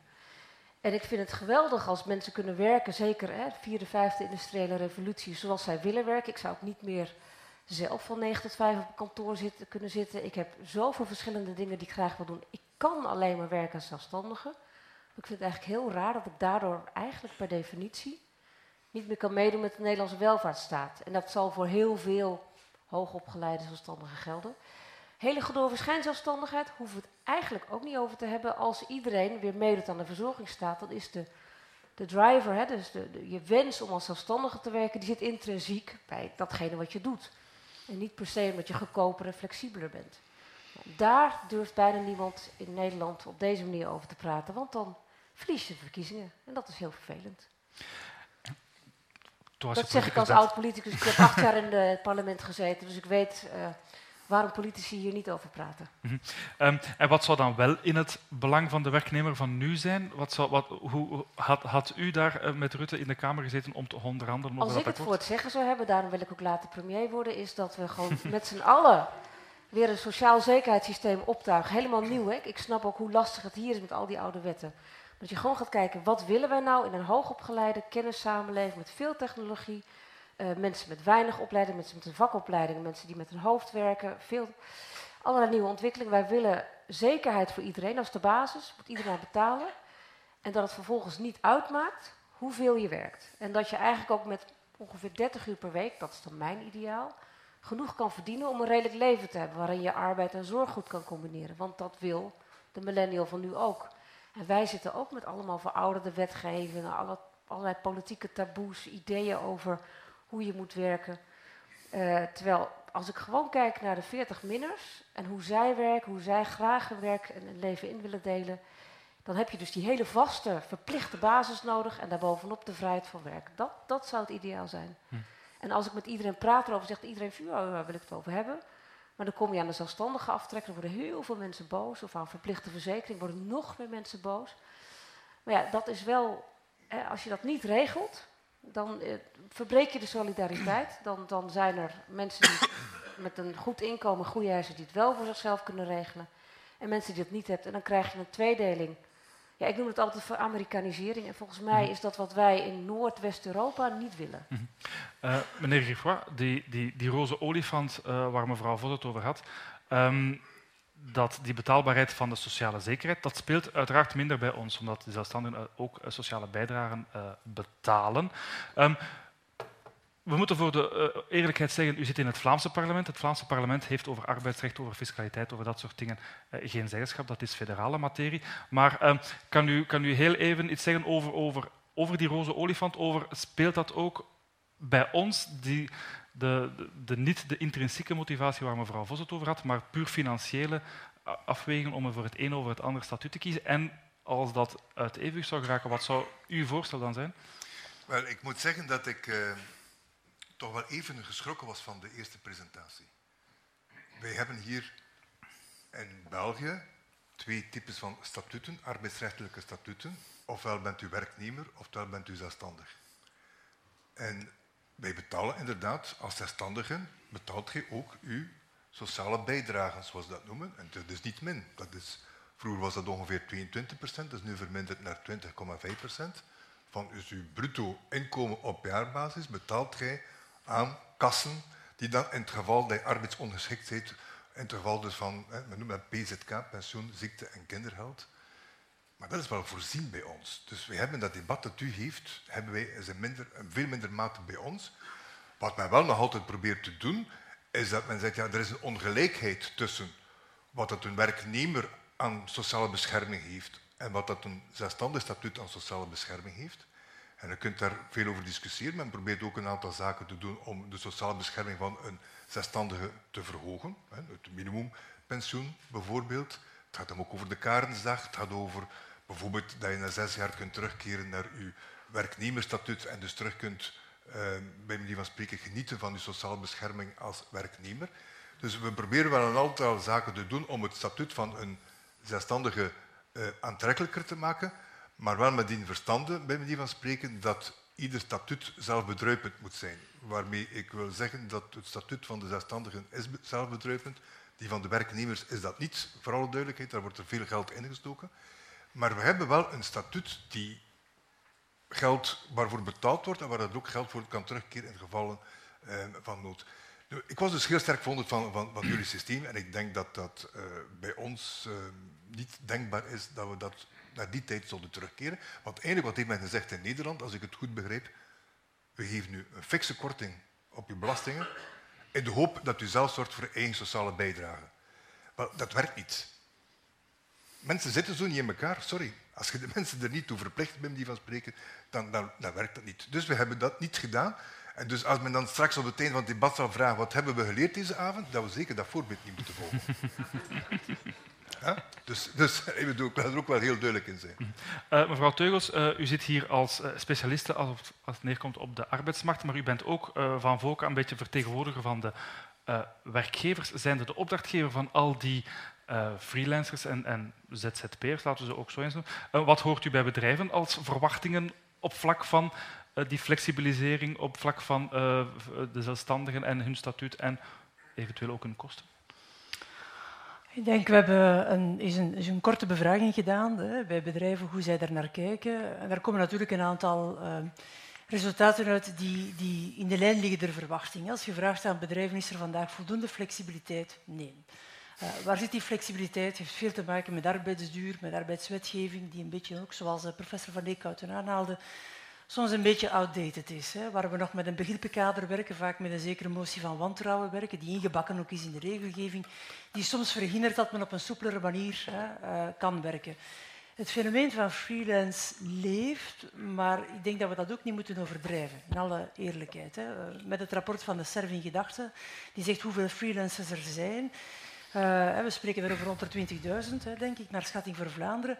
Het leeft wel onder bedrijven, onder ondernemers. Er wordt zeker over nagedacht. Ik denk dat heel wat bedrijven ook overwegen om er meer gebruik van te maken, maar vaak ook een beetje vanuit een vaststelling dat het huidige kader wat, uh, wat rigide is. Hè. Men heeft vandaag wel werk, maar men kan nu noodzakelijk overmorgen werk garanderen. Men heeft bepaalde kenniswerkers nodig, maar men kan die niet altijd voor lange termijn aan zich binden. En dus men zoekt naar manieren om toch op een of andere manier meer flexibiliteit in die bedrijven binnen te krijgen. De freelancer als een, als een antwoord op een reële nood uh, van bedrijven om ja, flexibiliteit en, en ja, Ik denk dat bedrijven zoeken naar bepaalde gespecialiseerde kennis, hè, want ik denk dat zie je ook een beetje in het rapport van de SERV. Waar we het fenomeen tegenkomen is toch vaak ook heel bepaalde niches hè, van, van de werkstelling. Mensen die over een bepaalde bagage, een bepaalde expertise beschikken. Hè. Denk ook aan managementfuncties, denk ook aan IT of bepaalde creatieve sectoren. Het is wel uitgesproken daar dat men dan hè, op zoek gaat vaak naar ja, tijdelijk het inhuren, tijdelijk uh, ja, een opdracht uitlenen aan bepaalde mensen die die expertise hebben, maar zonder in een relatie te stappen van lange duur, dat ik als werkgever en werknemer voor jaren in dienst gaan nemen. Dus het leeft wel, maar voor mij de les was niet zozeer dat de werkgevers uh, vragende partij zijn voor een vertienvoudiging van de freelancers, maar eigenlijk in generieke termen gewoon meer vragende partij zijn voor flexibiliteit. In zaken arbeidsduur, in zaken glijdende werktijden, in zaken het makkelijker kunnen aanwerven, makkelijker kunnen ontslaan van mensen. En dat zijn eigenlijk de, de algemene vragen die men wel heeft onder de noemer flexibiliteit. En dat is uh, het werk waar professor Van Eekhout daar net over had. Van, daar moeten we ons dan eens aan zetten om dat uh, te gaan uitschrijven. Um, we hebben het daar net al gehad over uh, dat statuut. Jullie hebben bij VOCA daar een onderzoek naar gedaan. En jullie zijn um, dan ook in het nieuws gekomen met het idee van een apart statuut voor die freelancers te hebben. Um, kan, u, kan u heel even kaderen wat dat is en waarom dat een goed idee zou zijn? Ja, ik denk dat we daar toch eerst een aantal rechtzettingen moeten, moeten doen voordat we meteen daarop op komen. Um, eigenlijk hadden wij, of hebben wij een paper uitgebracht of een, of een stuk uitgebracht wat eigenlijk een beetje de analyse maakt, maar dat is niks nieuw voor velen onder ons, maar dat een beetje de analyse maakt dat wij een arbeidsmarkt hebben die toekoer weinig flexibel is. Hè. We kijken daar naar Nederland, dat misschien te ver doorgeschoten is, maar alleszins als u naar Vlaanderen, naar België kijkt, kan u niet zeggen dat wij een hyperflexibele arbeidsmarkt hebben. Integendeel. Dus dat is de vaststelling. Hè. En de tweede vaststelling is ook wel dat wij in de kering te weinig mensen hebben die aan het werk zijn. Hè. Wij halen absoluut niet de werkzaamheidsgraden en de werkstellingspercentages van landen als Nederland of Duitsland of de Scandinavische landen. En dus we zitten met die vaststelling, we hebben eigenlijk te weinig mensen aan het werk. We hebben te veel mensen die aan het buiten blijven staan, die we niet aan het werk krijgen. We hebben tegelijk ook een arbeidsmarkt die niet echt hyperflexibel is, hè, om, om het woord maar te zeggen, die een beetje rigide is, vastgelopen is op een aantal punten. Um, vandaar is eigenlijk het debat gekomen, wat, wat gaan we daarmee doen? We moeten sowieso die arbeidsmarkt, ik denk het is eigenlijk ook al gegeven, ook naar wetgeving, moet absoluut eens een keer van op een nieuw blad uitgeschreven worden, moet soepeler worden. Um, en we zaten daar ook wel een beetje op de vaststelling dat we enerzijds de opkomst hebben van die freelancers in die gespecialiseerde categorieën, hè, ik noem ze management, IT enzovoort. Maar tegelijkertijd, je hebt het ook al aangehaald, je kan zeggen dat is vandaag marginaal, maar toch, we hebben dat gegeven ook van die platformeconomie is misschien nog heel beperkt vandaag in omvang.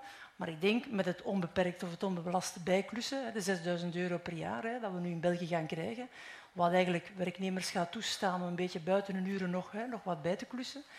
En we zien allerlei platformen komen, dat is allemaal nog beperkt, maar misschien dat dat toch wel op een gegeven moment een loopje gaat nemen. We hebben toch de vraag gesteld, ja goed, als we die arbeidsmarkt willen versoepelen, we willen die, we willen die flexibeler gaan maken, ja, wat, wat betekent dat dan ook in termen van zekerheid die we gaan moeten creëren? Hè?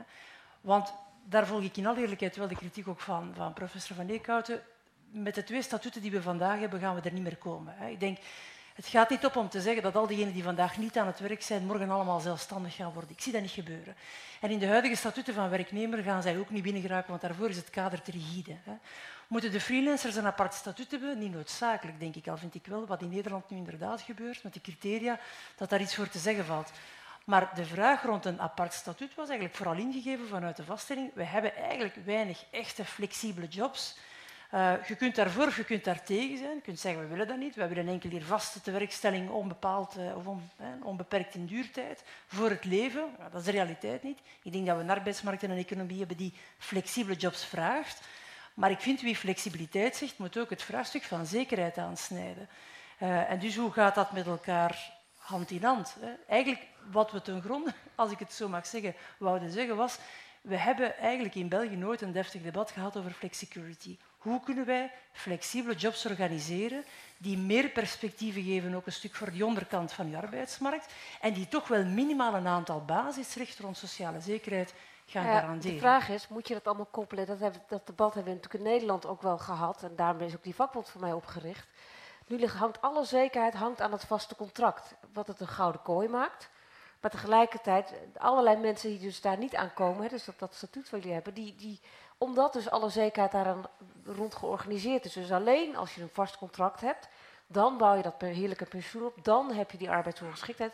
Als je in Nederland er even uitvalt, ik heb altijd het voorbeeld van mijn jongste broer, altijd netjes vaste contracten gehad, vaste dienst, was een idee, denk ik, ik ga voor mezelf beginnen, begint voor zichzelf en binnen maand, tjok, krijgt een hersenbloeding. Dan ben je in Nederland helemaal uit het systeem gevallen. Dan is er niet meer een verzekering waar je dan nog recht op hebt. Dan ga je, zit je gelijk in de bijstand. Wat het ook voor, en als je dat soort voorbeelden ziet, ja, dan blijf je natuurlijk wel zitten waar je zit. Terwijl, hè, dus waar ik voor pleit, is dat we dus een aantal basiszekerheden, die, die los van hoe je werkt, ZZP'er, tijdelijk, vast, daar betaal je voor, dan krijg je recht van, daarbovenop kan je dus, uh, die, heb je die vrijheid om te kiezen zoals je wil werken. Omdat er inderdaad, hè, met die huidige technologische revolutie, er steeds meer specialisme, nog steeds meer kortere, langere, andere vormen van werk. Terwijl de, in de, de tweede industriële revolutie ja, kon je heel goed werk organiseren. Kon je ook die man, wat was altijd de man, 40 jaar lang, 40 uur werk, 40 eh, weken werk, die 40-40-40 modellen inplannen, plus de zekerheid daaraan. Dat is al heel lang niet meer zo. Ik zie te veel mensen die daar buiten vallen. De mensen die met weinig verdiencapaciteit, vrouwen, mensen met een rare naam, die dus niet nooit meer komen bij dat oude systeem. En dat is precies ook wat in het vorige debat werd gezegd. Het is eigenlijk heel raar dat we nog van die wetten hebben die gebaseerd zijn op de man is een 40-40-40 model. Ja, ja. Maar goed. Niets de nadelen van mannen. nee, maar ik, ik zou een, een, een, kleine vergelijking willen maken. Hè. We hebben, als het gaat, als het gaat bijvoorbeeld over, over, de pensioenwetgeving of over pensioenopbouw, hè, is er al een tijdje een debat gaande. Hè. In feite bouwen wij ons pensioen op in functie van gewerkte jaren. Hè. Hoe meer je gewerkt hebt, hoe hoger je pensioen. En nu zitten we op die vaststelling dat mensen met eigenlijk uh, niet echt een volledige loopbaan, mensen die, die deeltijds hebben gewerkt, hè, met stukken activiteit in activiteit, in feite hebben ze te laag pensioen. En dus krijg je een debat daarvan, moeten wij geen basispensioen hebben, voor iedereen een, een minimumpensioen, en daarbovenop kun je rechten opbouwen, maar daaronder gaan we niet. Hè. Het is een beetje in die vergelijking dat ik ook kom. Hè. Um, natuurlijk, een werknemer bouwt zijn rechten op, prima. Maar wat doen wij met die groep die wij in zeer flexibele contracten gaan hebben, in zeer flexibele statuten gaan hebben? Laten we dat, toe, laten we dat niet toe. Of gaan wij, een beetje naar analogie misschien van ook het pensioendebat, iets basis voorzien van sociale zekerheid, uh, van minimale garanties, dat we zeggen, daarbovenop bouw je zelf op, dat is inderdaad modulair, dat kan je zelf kiezen, daar kun je over onderhandelen, maar daaronder gaan we niet. Natuurlijk, idealiter zou je kunnen zeggen, eigenlijk heel dat onderscheid werknemer-zelfstandig is achterhaald. Laat ons daar komaf mee maken en die ambtenaren ook. Laat ons meteen iets nieuws uitbouwen. Maar de suggestie naar een derde statuut is misschien ook een beetje gekomen vanuit de realpolitiek. Ik zie dat nog niet gebeuren. Hè. Uh, we zitten al heel lang in die dichotomie vast uh, en we weten dat die achterhaald is. En het zou misschien een pragmatische invulling kunnen zijn, mhm. als dat toch niet lukt, om dan maar een derde weg te zoeken die misschien meer... gaandeweg groeit. Ik ga, ik ga, er, ik ga er even meneer Griffra laten tussenkomen. Um, over, over die statuten, over, um, we hebben iets nieuws nodig om die arbeidsmarkt uh, een, een, bepaalde dynamiek te geven, om mensen ook mee te trekken en die flexibiliteit te bieden. Uh, meneer Griffra, uw visie daarop? U, hoe, hoe, denkt u dat de oplossing die VOCA voorstelt de juiste is? Is dat de manier om het te, uh, te bekomen via dat nieuwe statuut? Nee. Dat is duidelijk. dat is het voordeel van ingenieur te zijn, dat is dat je heel duidelijke antwoorden kunt geven. Uh, nee, omdat ik hier ook voel dat er, uh, de discussie wordt hier verkeerd gevoerd. Ik ga een simpel voorbeeld geven. Neem iemand die zeer goed is in uh, camerawerk en regie. Die persoon heeft in principe drie mogelijkheden. Oftewel werkt hij vast in een mediahuis. En dan gaat hij daarnaast nog voor een aantal activiteiten mensen die kent nog wat in bijberoep als zelfstandige, dus iets een zelfstandig statuut in bijberoep.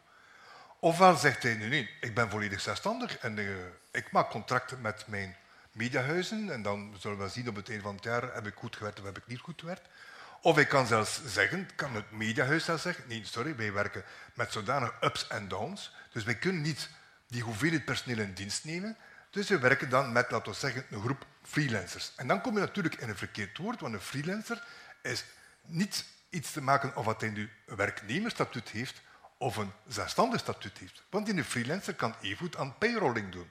En als hij aan payrolling doet, dan komt hij bij een soort interimkantoor terecht, die in principe al zijn administratie regelt enzovoort, en is op dat ogenblik eigenlijk een bediende werknemer van dat interimkantoor, maar voor de eindklant komt het over alsof hij dus freelance werkt. Dus wat u, dus wat u zegt is eigenlijk het, het instrumentarium dat we vandaag hebben, dat volstaat ruimschoots om te om te nou, dat is al dat ingewikkeld genoeg. en dan ga je nog een derde ernaast zetten. Dus we hebben al maas in de wet. Hè, voor uh, de echt goedkope arbeid kan je dan in Nederland via nulurencontracten, payrollen, kan je daar mensen dumpen.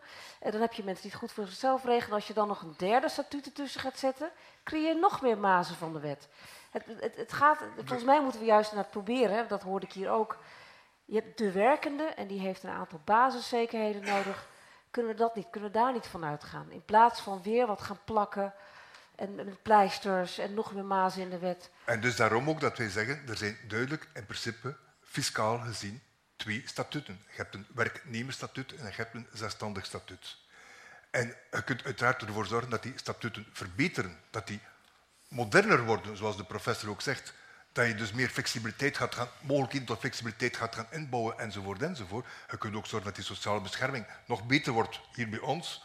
Uh, je kunt allerlei zaken doen, maar in principe, en wat is het verschil in definitie, is in principe ofwel is het iemand anders die voor u alles regelt en doet, of dat doen we het zelf. Dat is het verschil tussen werknemer en zelfstandig. Mevrouw Teugels, maar... u, hebt geen, u hebt geen nieuw statuut nodig. Het, het, het, het, lukt wel met wat we hebben, mits een wat, wat, wat aanpassen van bestaande statuten.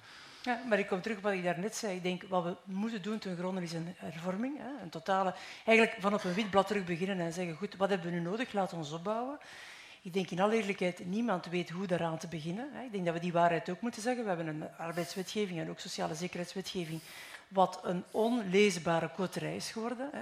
Uh, we zijn altijd in de uitzondering van de uitzondering van de uitzondering aan het werken en het geheel is onleesbaar geworden.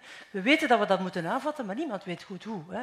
De minister van Werk federaal heeft dan gezegd, goed, laat ons nadenken over een autonome werknemer. Hij heeft gezegd, ik wil geen derde statuut, maar ik wil wel nadenken over een autonome werknemer. Is dat dan het werknemersstatuut revisited, ik weet het niet hè, wat het is.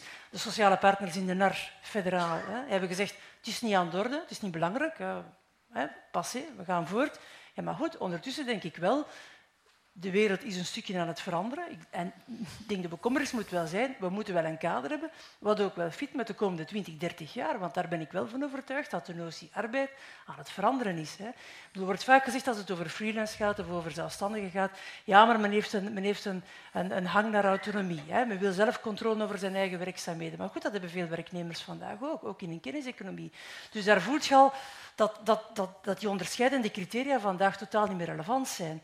En dus wat is dat dan, die autonomie? Betekent dat dat ik vandaag voor u mag werken en morgen voor iemand anders ga? En hoe zit het dan met mijn, met mijn pensioenopbouw? Hoe zit dat met mijn minimale rechten? Waar worden die dan opgebouwd?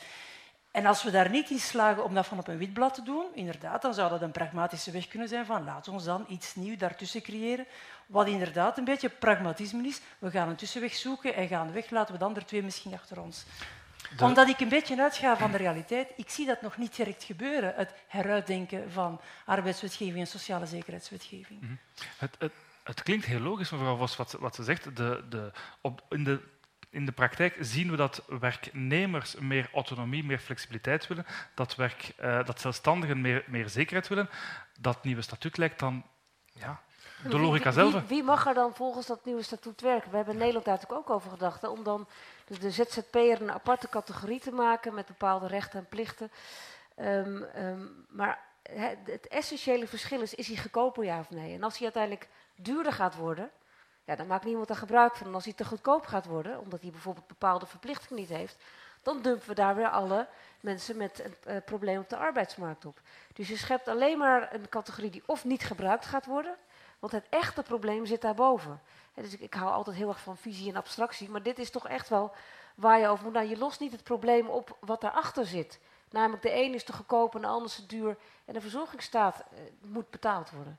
Dat los je niet op door een, een extra statuutje uh, of een extra categorie neer te zetten. Nee, vraag? Maar, eh, ik denk ook dat de problemen dat u aankaart, gaat dan hoofdzakelijk over die flexibilisering. Dat ondervangen niet met een derde statuut. Want uw statuut gaat hem eigenlijk over de fiscaliteit en de sociale zekerheid. Maar flexibilisering hebben we het ook over, kunnen we discussiëren over schijnzelfstandigheid. Wat ik eigenlijk in principe geen correcte discussie vind. Ik heb dat zelf ook vroeger ondervonden met mijn uh, mensen. We hadden ongeveer 15 mensen in loondienst en we hadden vijf die op zelfstandige basis werkten. Die vijf die op zelfstandige basis werkten, die werkten drie, vier dagen voor mij en één, twee dagen voor een ander bedrijf. We hadden er concrete afspraken mee. Hm. Maar dan kwam de verzekering af. En zegt de verzekering, ja, maar ja, de beroepsaansprakelijkheid voor die zelfstandige die voor u werkt, hij moet ook een beroepsaansprakelijkheidsverzekering hebben, dat in een technisch beroep. En dan moet hij dat wel aftrekken van u. Veel te complex, dat wat ik zeg, sorry, dat is gewoon voor mij iemand die zelfstandig werkt voor twee, drie bedrijven zoals het onze. That's it. Dus laat hem gewoon zijn job doen. Dus dat kun je heel gemakkelijk aanpassen als het gaat over het arbeidsrechtelijke, om het geheel minder rigide te maken. Maar voor de rest, eh, ik herhaal het nogmaals, je hebt ofwel zijn werknemer, of ze hebben een zelfstandig statuut. Punt. En, en verduidelijk eens wat, wat er dan precies moet veranderen, omdat, omdat dat, dat tussenstatuut dat in het vacuüm tussen de twee staat, zo, zo hebben jullie het aangekondigd, om dat overbodig te maken, welke aanpassingen zijn er dan links en rechts nodig? Maar dat gaat het bijvoorbeeld over, te over het feit dat eh, wij het niet eens raken binnen de huidige meerderheid als het gaat bijvoorbeeld over nachtwerk. Waardoor dat inderdaad bedrijven zoals, eh, die dus in de, eh, de digitale industrie zitten, zoals een bol.com enzovoort, enzovoort, gaan beroep doen op, op zelfstandigen dan. Waarom? Omdat werknemers niet in een nachtsysteem kunnen werken bij ons. Dus er zijn een aantal zaken. En dan heb je natuurlijk, als je daarover begint, dan komt de vakbond daar te staan. Die zegt, oh, wij zijn niet akkoord, want dat is allemaal beschermd. Dus je moet met andere woorden inderdaad kunnen zien dat het werken van 20 jaar geleden niet het werken zal zijn van binnen 20 jaar. Maar het voorbeeld werd ook aangekaart van de Uber. Voor mij is iemand die Uber doet in bijberoep een zelfstandige in bijberoep. Of als hij dat fulltime doet, is hij een zelfstandige. Ik moet geen apart statuut hebben voor die Uber-chauffeur. Ja? Dat is een zelfstandige die zijn sociale bijdrage moet betalen. En dat is ook voor, voor de, de Deliveroo's. Oftewel zegt de Delivero, ik heb zoveel mensen in vast dienstverband. Als je dat niet wilt en je wilt werken met zelfstandigen, diegene die dat contract tekent als zelfstandige bij Deliveroo, ik hoop dat hij nog altijd weet wat hij tekent. Maar het is ook te goedkoop om te zeggen, ja, maar ik weet niet wat ik getekend heb, ik heb niks getekend en nu ga ik gaan protesteren. Nee, nee, je heeft al een contract getekend. Als ik met mijn klanten ging gaan onderhandelen, ging ik ook een contract gaan tekenen met mijn klanten. En ik maakte op het einde van het jaar dat ik kon winst maken, dat ik mijn eigen nog een keer een plezier kon doen of mijn medewerkers kon een bonus geven. Dus je weet wel waarmee je bezig bent.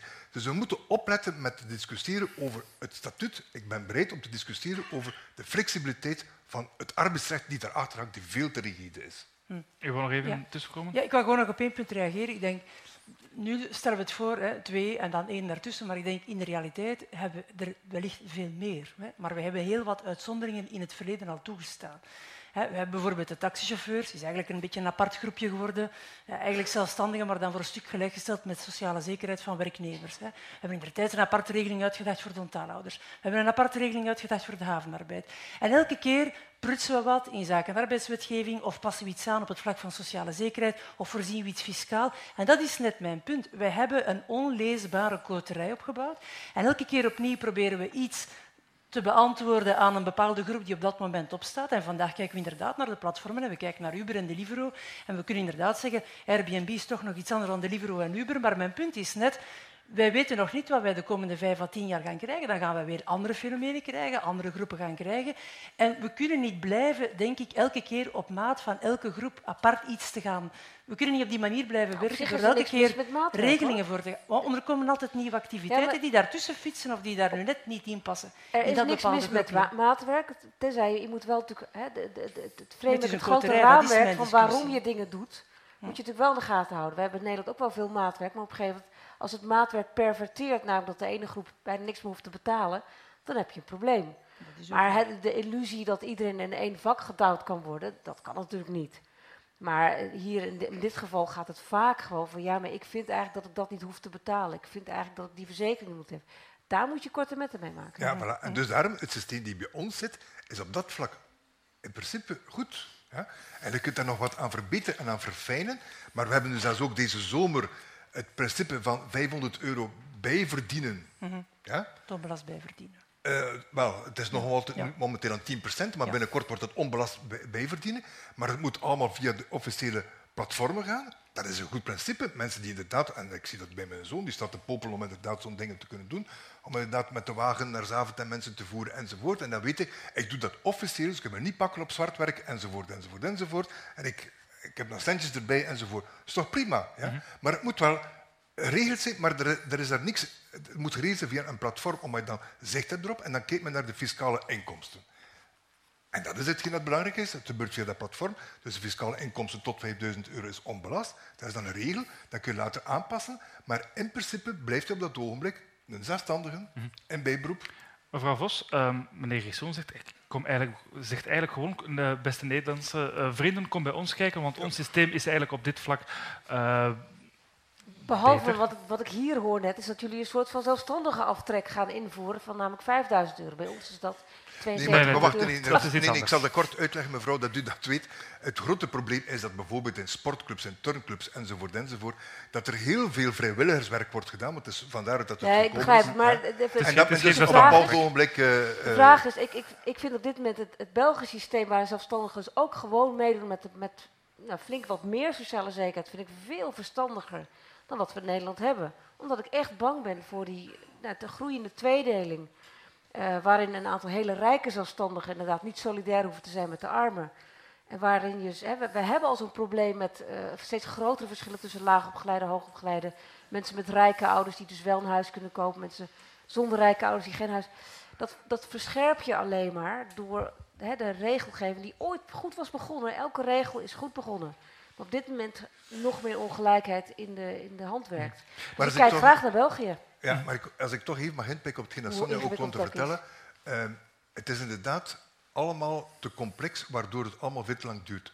Ik ben de eerste vijf jaar van mijn professionele carrière was ik werknemer. Dan ben ik zelfstandig geworden. Ehm, nu heb ik een politiek mandaat. Dat is nog iets totaal anders. Ja? Zoek maar een keer op in de statuten, dat vind je dus niet terug. De probleem dat ik heb met mijn sociaal secretariaat om hen duidelijk te maken dat ik nu geen zelfstandig niet meer ben, maar dat ik een politiek mandaat heb en toch blijf die facturen kopen. Ik moest dan weer gaan weerleggen met aangetekende schrijvers. Dat is te gek om los te lopen. Ik bedoel, dat kan niet meer in deze tijd. In een digitale wereld moet er daar één iemand... Ja, meneer, we kijken naar uw fiscale inkomsten en we zien dat je zoveel... Dus we dachten dat ik nog zelfstandig was. Nee, nee, dat is mijn politiek mandaat. Maar complexiteit moet nooit, hè, dus dat je het vervelend vindt dat al die verschillende regeltjes zijn, moet nooit de reden zijn om ze het allemaal willen af te schaffen. Je moet echt beginnen met de vraag, wat willen we nou eigenlijk waarom regelen?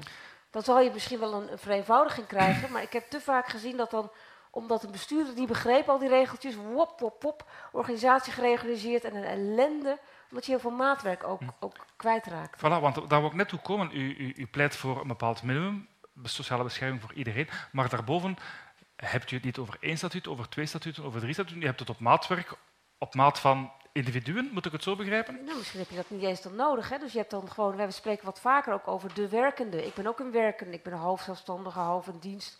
Dat maakt voor mij natuurlijk allemaal niet uit. Voor mij is de basis, heb ik het nu goed, ben ik goed verzekerd voor het geval dat ik die hersenbloeding of die borstkanker krijg. En dan heb ik er later een inkomen als ik niet meer kan werken. Dus ik denk eerlijk gezegd dat dat hele, eh, dat misschien zelfs het verschil tussen werknemer en zelfstandigen gaat wegvallen. Dat het niet meer zo nodig is. En dus ook het verschil tussen een echte zelfstandige en een schijnzelfstandige. Als je die basis hebt en als je zorgt dat mensen belast worden. En sowieso, andere discussie. In Nederland halen, moeten wij veel te veel geld ophalen via de arbeidsbelastingen. Ik zou het natuurlijk het liefst eh, van de grote bedrijven, hè, dus de, de, de, de aandelenbelastingen willen halen. Want er is natuurlijk heel veel geld. Alleen op dit moment moeten we het allemaal trekken van die ingewikkelde arbeidsconstructies. Ik stel voor dat we het vanavond niet hebben over Nee, de nee, nee, maar- belastingen van de grote bedrijven, want dan, discussie. we zijn al over tijd aan het gaan. En ik wil toch nog één, nog één eh, laatste punt aanhalen voor ik ehm, ook de eh, andere mensen eh, vragen laat stellen. Ehm, we hebben het al een paar keer gehad over de kenniseconomie, over de nood aan flexibiliteit. Hoe fundamenteel, hoe belangrijk is die ZZP'er slash freelancer in dat geheel? Is dat een, een noodzakelijke voorwaarde om die economie van de toekomst mee vorm te kunnen geven? Nee, opleiding, opleiding, opleiding is het andere waar we het niet over gehad hebben. Ook daar hè, zijn veel zelfstandigen die daar dus niet aan toekomen, Mhm. die daar geen geld voor opzij kunnen leggen. We hebben opleidingsfondsen in Nederland, wordt slecht gebruikt, maar het, die zelfstandig leuk dat die flexibel is, maar die moet ook wel de prikkel en het geld hebben om in zichzelf te blijven investeren. Mhm. En dat is een andere zorg met die verzetzettypering van de Nederlandse Het is, het is een, een onderwerp dat ik deze ochtend aan de telefoon met mevrouw Smits aangehaald heb, namelijk dat die zelfstandige te weinig geprikkeld wordt en dat er zelfs een risico is dat het een effect heeft op de productiviteit van de Nederlandse economie. in De zijn WRR heeft zelfs Nederland een lage lonenland, of een beginnend lage lonenland genoemd, vanwege dit probleem. Maar die kenniseconomie en die deeleconomie die altijd maar belangrijker wordt, die gaat een bijzondere grote invloed hebben op onze manier van denken rond arbeidsrecht en arbeidsmarkt. Daar kunnen we dus echt niet van uit. En dus inderdaad, dat rigide systeem dat we nu hebben, daar moeten we vanaf. En dat staat los van de discussie van of je dan een werknemersstatuut hebt of een zelfstandig statuut hebt, want je kunt beide flexibel maken. Maar veel hangt ook af van de opdrachtgever of van de bedrijfsleider, als ik het zo mag uitdrukken. Ik kan me best inbeelden dat bijvoorbeeld in de eh, productiebedrijven dat dat net iets moeilijker is, bij manier van spreken, dan bijvoorbeeld in de dienstensector. Eh, ik bedoel, dat is echt een beetje op maat. Maar je moet inderdaad zoeken naar oplossingen waarbij dat Maar wel opletten, er zijn rechten en er zijn plichten. En dus we moeten ook zien dat we niet straks naar een systeem gaan waar we alle mooie dingetjes bij elkaar gezet hebben en die dan wel niet meer betaalbaar zijn. Ja. Daar ben ik dus zeer... Uh, uh, daar heb ik toch wel wat schrik voor. Mevrouw Teugels, dezelfde vraag. Hoe fundamenteel is die freelancer in die kenniseconomie? Ik denk, allee, daar volg ik inderdaad wel mevrouw. Ik denk dat de, de meest essentiële bouwsteen echt wel vorming en opleiding is. Um, ik denk dat we echt wel voor een gigantisch grote uitdaging staan om onze beroepsbevolking, althans degenen die ook al aan het werk zijn, hoe dat we die gaan bijscholen, hoe dat we die gaan omscholen, dat die klaar zijn, dat die mee zijn in die ontwikkeling naar morgen. Uh, maar dat is voor de kenniseconomie. Mijn, mijn, tweede grote, zeker voor Vlaanderen en België, uh, een groot probleem vind ik, is nog altijd dat we een zeer we hebben een, we hebben een zeer grote arbeidsmarkt. Die of, ofwel ben je binnen ofwel ben je buiten. Hè. En we hebben geen laagdrempelige intrede voor veel mensen die een beetje te zwak staan op de arbeidsmarkt. He, dat is, dat is, we weten dat. He. Het, is, het, is, zeer rigide, het is binnen of buiten. En ja, goed, als u uh, toevallig de verkeerde kenmerken hebt, dan uh, zal u lange tijd wellicht in de werkloosheid blijven zitten. Mm. Dat is nog iets anders dan die kenniseconomie. Maar die tweede ding vind ik dat is een ander groot vraagstuk. Vandaar ook die vraag naar meer flexibiliteit. Maar dat is meer ja. het andere debat. Ik had nog vragen, in alle eerlijkheid. Maar in alle eerlijkheid moet ik ook zeggen dat we naar goede gewoonte op dit soort debatten uh, over tijd aan het gaan zijn. Dus ik ga de mijne alvast opbergen. Ik ga ook vragen aan de twee uh, vorige uh, deelnemers aan het gesprek om naar voren te komen. Ik zal me recht zetten, dan is er alvast één ehm, stoel vrij. En dan, als er nog iemand één tweede stoel kan bijzetten, dan kunnen die mensen ook zitten. En als ik me niet vergis, krijgen zij ook een, uh, een handmicrofoon. Misschien moeten ze naast elkaar zitten, dan kunnen ze één microfoon ik zal wel recht staan, dus uh, dan heb ik ook een beetje overzicht, want het is nu niet aan mij, maar aan uh, de mensen in de zaal. Um, als ik me niet vergis, zal uh, Xander rondlopen met een microfoon voor wie een vraag wil stellen aan... Um, ja, u kiest zelf maar aan wie u de vraag wil stellen. Um, wie is er moedig genoeg om als eerste zijn of haar hand op te steken? Voilà, meneer daar. Alexander, had jij een uh, microfoon? Ja, die komt er zo meteen aan. Misschien als het relevant is, uh, meneer, zegt u even uh, wie u bent. of u misschien zelf freelancer bent, opdrachtgever of op een of andere manier betrokken, zodanig dat we weten vanuit welke context uw vraag komt. En stel ze gerust aan iemand in het bijzonder. Ik ben Mark Bassi, ik ben vrijwel zeker ZZP'er, ook na vanavond, na deze discussie durf ik dat nog wel te zeggen. Ik had een vraag. We hebben gehoord dat het eigenlijk in heel Europa speelt. Dus ieder land is bezig met oplossingen te zoeken. Dus ook Nederland en België. Vandaar mijn vraag. Uh, is het nu denkbaar uh, en haalbaar om een Europese oplossing te kiezen voor dit probleem? Of moeten we toch streven dat ieder, eigen, ieder land zijn eigen boontjes gaat doppen? Misschien in eerste instantie voor de professor, uh, maar anderen mogen ook reageren. Professor Van Eekhouten? Twee professoren. Ja, dat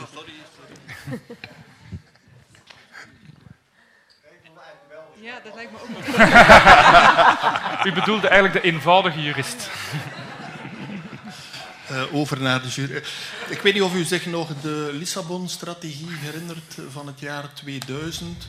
Uh, uh, ik, heb nog, ik was al geboren toen, ik heb dat nog meegemaakt. Uh, toen is het woord flexicurity ook gelanceerd en heeft men een heel groot debat gehad in de Europese Unie over hoe gaan we nu flexibiliteit en zekerheid met elkaar verzoenen. En in alle mogelijke gremia is daarover gediscussieerd. Er zijn daar papers over gemaakt. Green, er is daar een green paper over verschenen. En ondertussen gingen de jaren voorbij en kwam er de financiële en bankencrisis aan. En sindsdien hebben we er niks meer van uh, gehoord. Dus het is wel een topic geweest. En hoewel het opnieuw actueel zou moeten kunnen zijn, is het weggedemsterd door, de, door die prioriteiten die elders opdoken. Maar ik moet ook nog, ja, jurist zijnde, uh, iets zeggen. We zitten wel met een, een heel moeilijk probleem dat de bevoegdheden van de Europese Unie, zoals u weet, op vlak van arbeidsrecht vrij beperkt zijn. Hè. Er wordt uh, bijvoorbeeld ontslagrecht, om maar iets te, te zeggen, kan, kan alleen over beslist worden met unanimiteit. En niet meer met gekwalificeerde, of niet met gekwalificeerde meerderheid. Loon wat, wat ook aan bod komt in, in, dit, uh, in dit verhaal, is zelfs een bevoegdheid die expliciet uitgesloten is van de bevoegdheid van de Europese Unie, volgens het verdrag op de werking van de Europese Unie. Dus men heeft met andere woorden niet de instrumenten. Ik, ik heb de, de, de wenkbrauwen moeten fronsen toen bij de samenstelling van de huidige commissie onze Belgische eurocommissaris voor Sociale Zaken, Marianne Thijssen, zei ja, ik pleit voor een Europees minimumloon. Ja, maar dat uh, is niet voor bevoegd. Men zou het verdrag moeten herzien. En u weet beter dan ik, het uh, herzien van het verdrag is uh, even onmogelijk als unanimiteit over iets nog bereiken vandaag de dag. Dus van Europa denk ik helaas Mevrouw, moeten we niets verwachten. Ik heb Mevrouw daar wel eens over nagedacht. toen wij begonnen met die vakbond in 2005 hadden we daarnaast ook nog een een werkgroepje en die heette Europe from, uh, from Scratch.ch. We hadden in Zwitserland een domeinnaam gekocht voor Europe from Scratch. En dat was dat voor al die mensen in Nederland, illegale vluchtelingen, maar ook jongeren, die dus niet meebouwden aan de verzorging, die dus niet, geen recht hadden, die konden dan een eigen verzekeringssysteem wat je ernaast zet, pensioen opbouwen, arbeidsongeschiktheid en WW in eigen potjes. En dan zou je die iets naast kunnen zetten, omdat namelijk het hervormen van al die nationale wetgeving, dat, dat, dat gaat gewoon niet lukken. Terwijl we wel een Europees verzorgingsstaatprobleem hebben. En dat zie je dus nu helemaal met al die vluchtelingen. Waarom zijn vluchtelingen een probleem? Niet omdat we allemaal zo asociaal zijn, maar vanwege de betaalbaarheid van de verzorgingsstaat. Dus er iets naast zetten. Voor alle nieuwkomers, voor alle mensen die tijdelijk zitten, die misschien een blue card krijgen, voor jongeren die bijvoorbeeld overal nergens werken. Dat is misschien nog wel een idee, wat met een verdragswijziging, maar waar, waarvan ik denk dat een groep bevlogen Europeanen nog best wel eens voor zouden kunnen gaan strijden. En dan zou je dus daar ook uh, iets, iets voor kunnen regelen voor zelfstandigen die niets hebben en niets opbouwen, maar wel dat nodig hebben. Het bestaat nog steeds, Europe from Scratch. Daar uh, achteraan was ook nog een vraag. Uh. Um, goedenavond, William Mathé. Ik ben zelf, uh, ik noem mezelf liefst zelfstandig uh, contractor. Freelance vind ik een vies woord.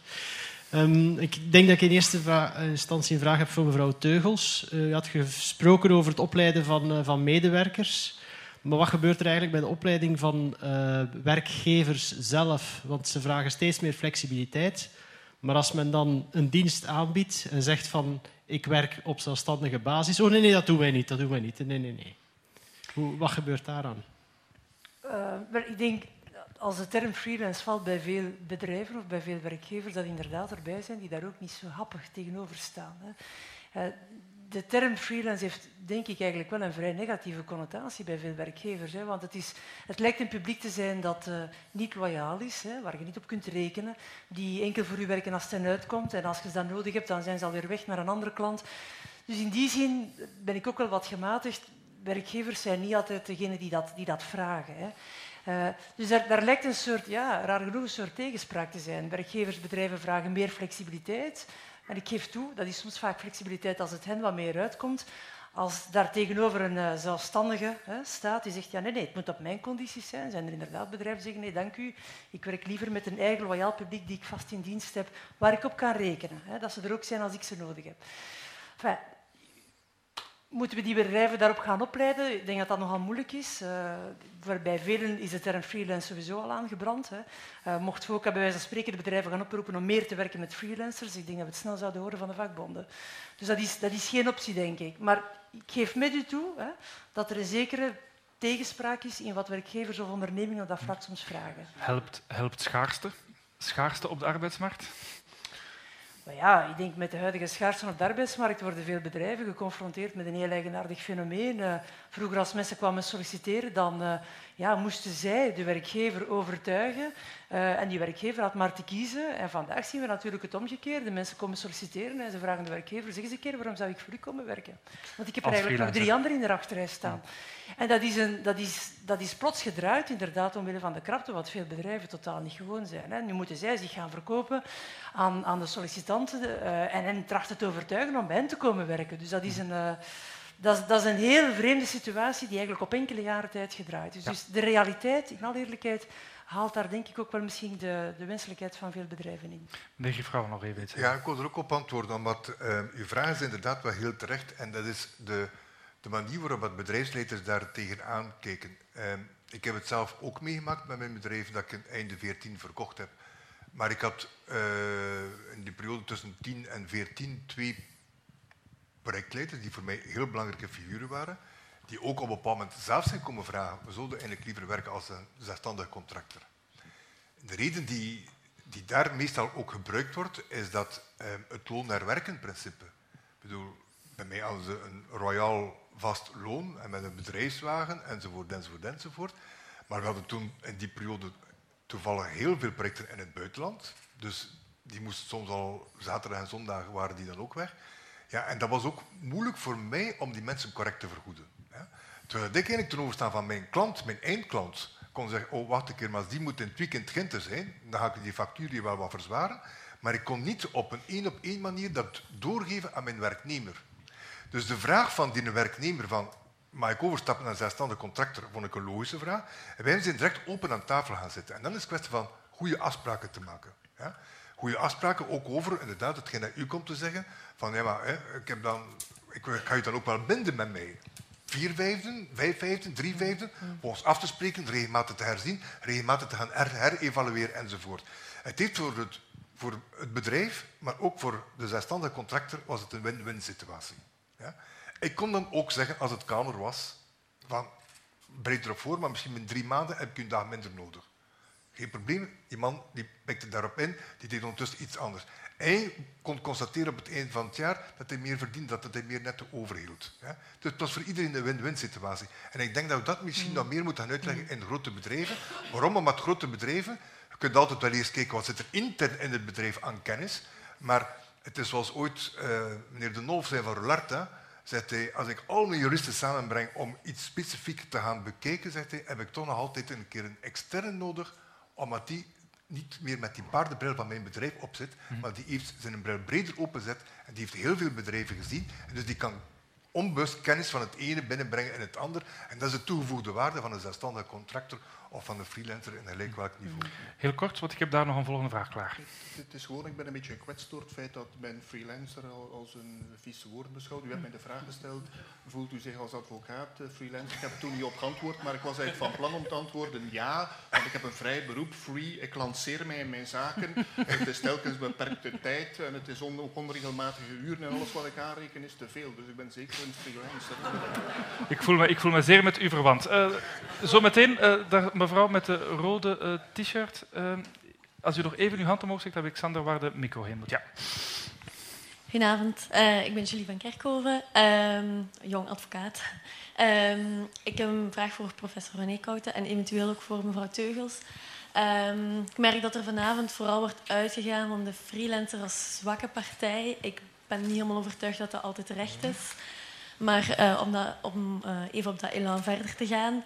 Uh, professor Van Eekhouten, um, zou het een, of bent u van mening dat het eventueel een soort bescherming kan zijn voor de freelancer in afwachting van een nieuwe wet die van nul wordt geschreven, om een soort alternatieve vakbond op te richten, waarbij freelancers zich eventueel kunnen aansluiten, uh, met het oog op die kennis en die informatie die dat ze blijkbaar vaak niet hebben of daar niet gemakkelijk aan geraken.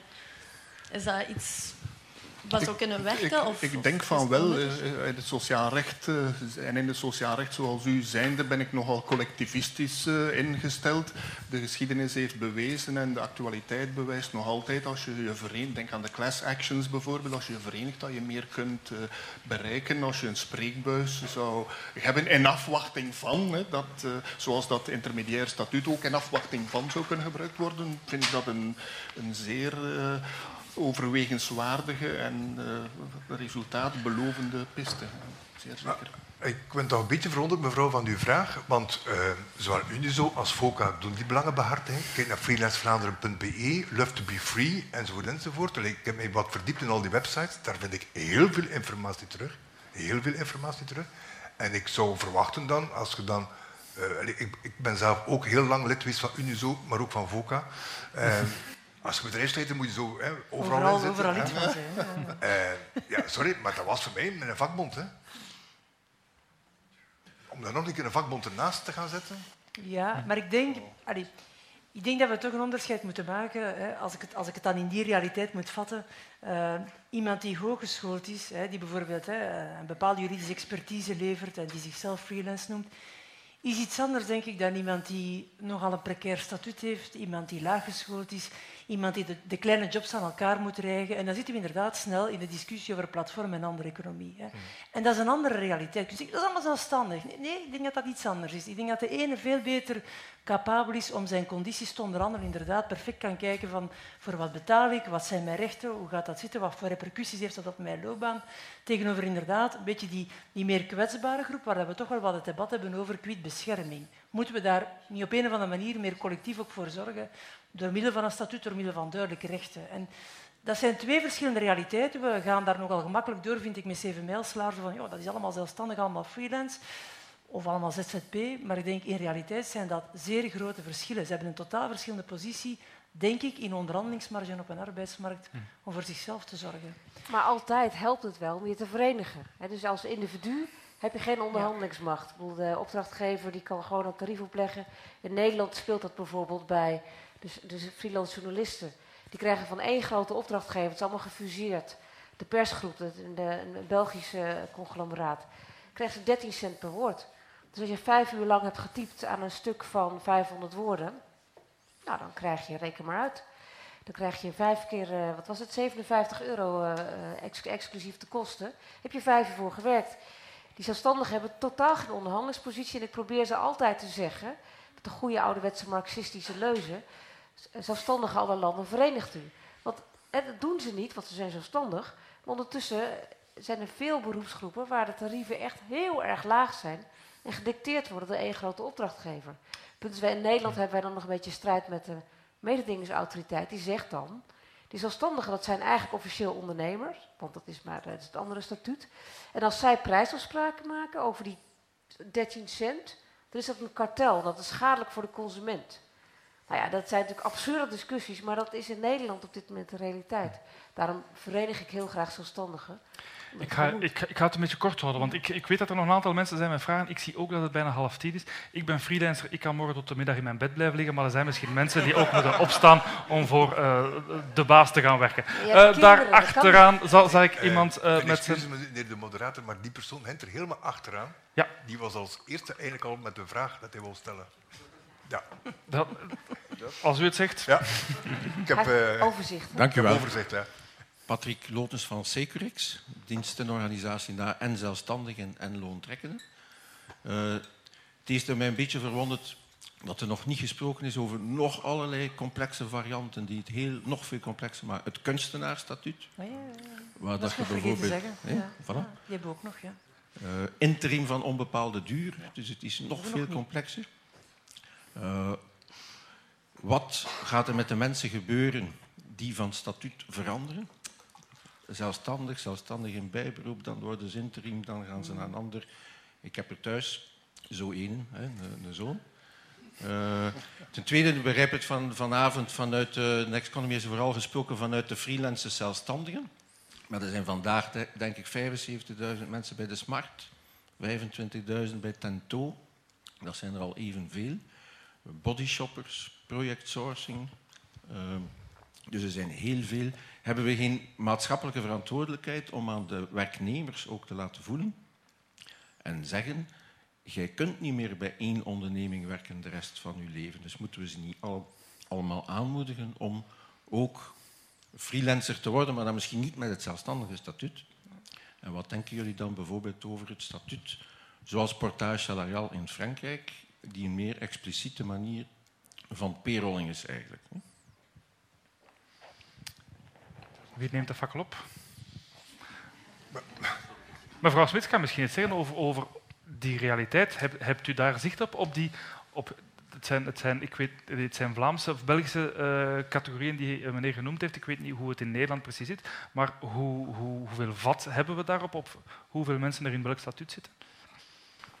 Um, nou ja, uh, het idee dat mensen niet meer hun leven lang bij één baas kunnen blijven werken. Um, de realiteit is natuurlijk dat er nog heel veel mensen zijn die wel een hele lange periode bij één organisatie werken. En daar is ook wel een reden voor natuurlijk, omdat je uh, ook een, een wederzijds in elkaar investeert. Dat wordt nogal vaak vergeten. Als je in een organisatie werkt, dan uh, leer je allerlei bedrijfsspecifieke kennis en vaardigheden die ook ontzettend belang zijn voor zo'n organisatie. En daarvoor willen ook organisaties en werkenden nog steeds in elkaar investeren. Dus het idee dat het allemaal maar flexibeler moet worden en dat mensen dan via een payroll-organisatie dan weer daar en dan weer daar gaan werken. Um, ik weet niet of dat ten goede gaat komen aan de productiviteit van de economie.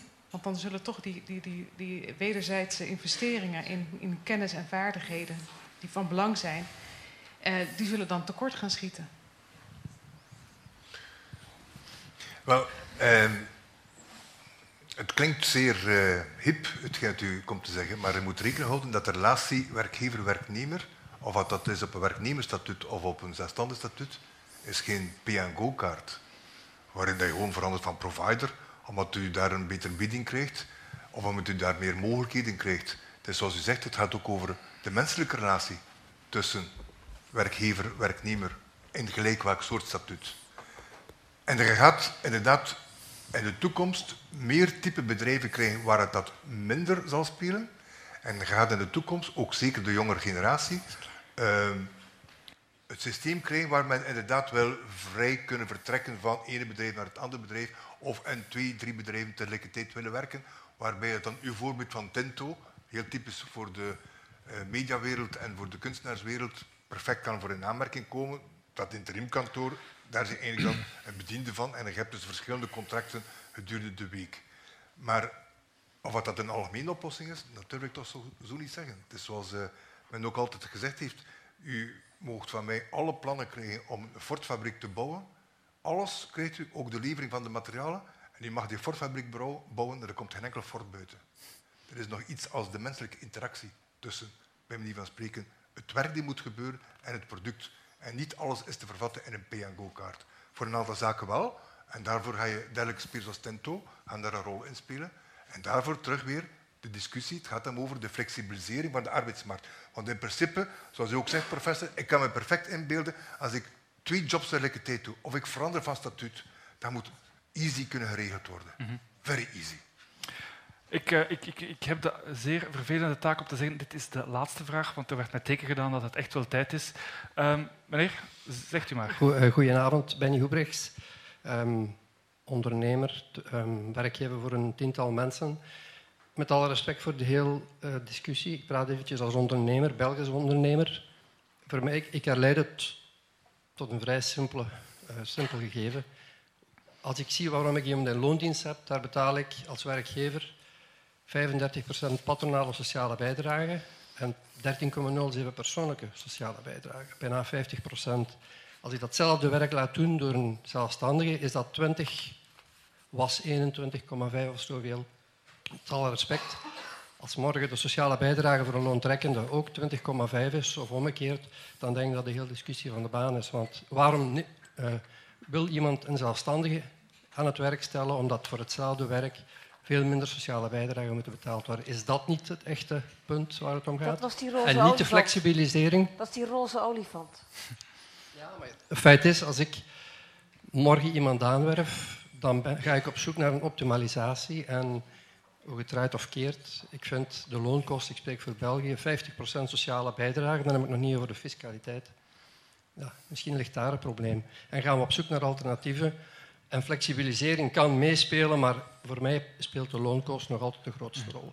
Meneer Van Eekhout, ja, Dat is juist, maar in onze, in onze alternatieve, ik noem het maar gemakshalve onze alternatieve benadering, waarin je een basis sociale zekerheid zou hebben, zou die op een andere manier gefinancierd worden. Hè. Zou die uh, niet meer, uh, waar het niet nodig is, gefinancierd worden door bijdragen op de arbeidskosten. Maar neem, neem het eenvoudige voorbeeld van de ziektekosten. Waarom zou je dan u laten financieren door uh, arbeid of door lasten, door, door, een bijdrage op de arbeid, als het toch aan heel de bevolking tot, te goede komt? Je zou dat, zoals meneer Griffies al zei, je zou het allemaal beter door belastingen laten. Dat is het criterium, hebt u een paar keer gezegd. Gebruik dat uw fiscaal inkomen als financieringsbron voor uw nieuwe, tussen sociale zekerheid. Dan heb je die distorties niet meer naar gelang van de statuten. Ik ga de discussie hier stopzetten, omdat er begint ook al mensen recht te staan en zo. Dat, dat maakt het heel duidelijk dat het, dat het, uh, dat moet stoppen. Uh, ik, ik heb niet de pretentie om hier grote conclusies uit te trekken. Wat ik wel weet, is dat er, uh, denk ik, tijdens het debat twee Deliveroo-jongens gepasseerd zijn op de fiets hier buiten. Ja, ik kon dat van hier goed zien. dat, en dat de likes van de buren gestegen is tot 6048. Tijdens de vragen is het één gezakt. Ik weet niet wie er afgehaakt heeft, maar bon, blijkbaar was er toch iemand niet zo heel tevreden. Wat ik ook moet doen, is heel veel dank uitspreken voor deze vijf mensen. Sonja Teugels, Anthony Griffois, Meili Vos, Wendy Smits en Winnie van Eekhouten. Hartelijk dank voor jullie bijdrage. Dus Andries Je luisterde naar een podcast van De Buren, het Vlaams-Nederlands Huis voor Cultuur en Debat. Benieuwd naar ons literaire aanbod? Luister dan ook naar radioboeken, citybooks en andere audioverhalen. Ontdek ons podiumprogramma en al onze digitale producties op www.deburen.eu.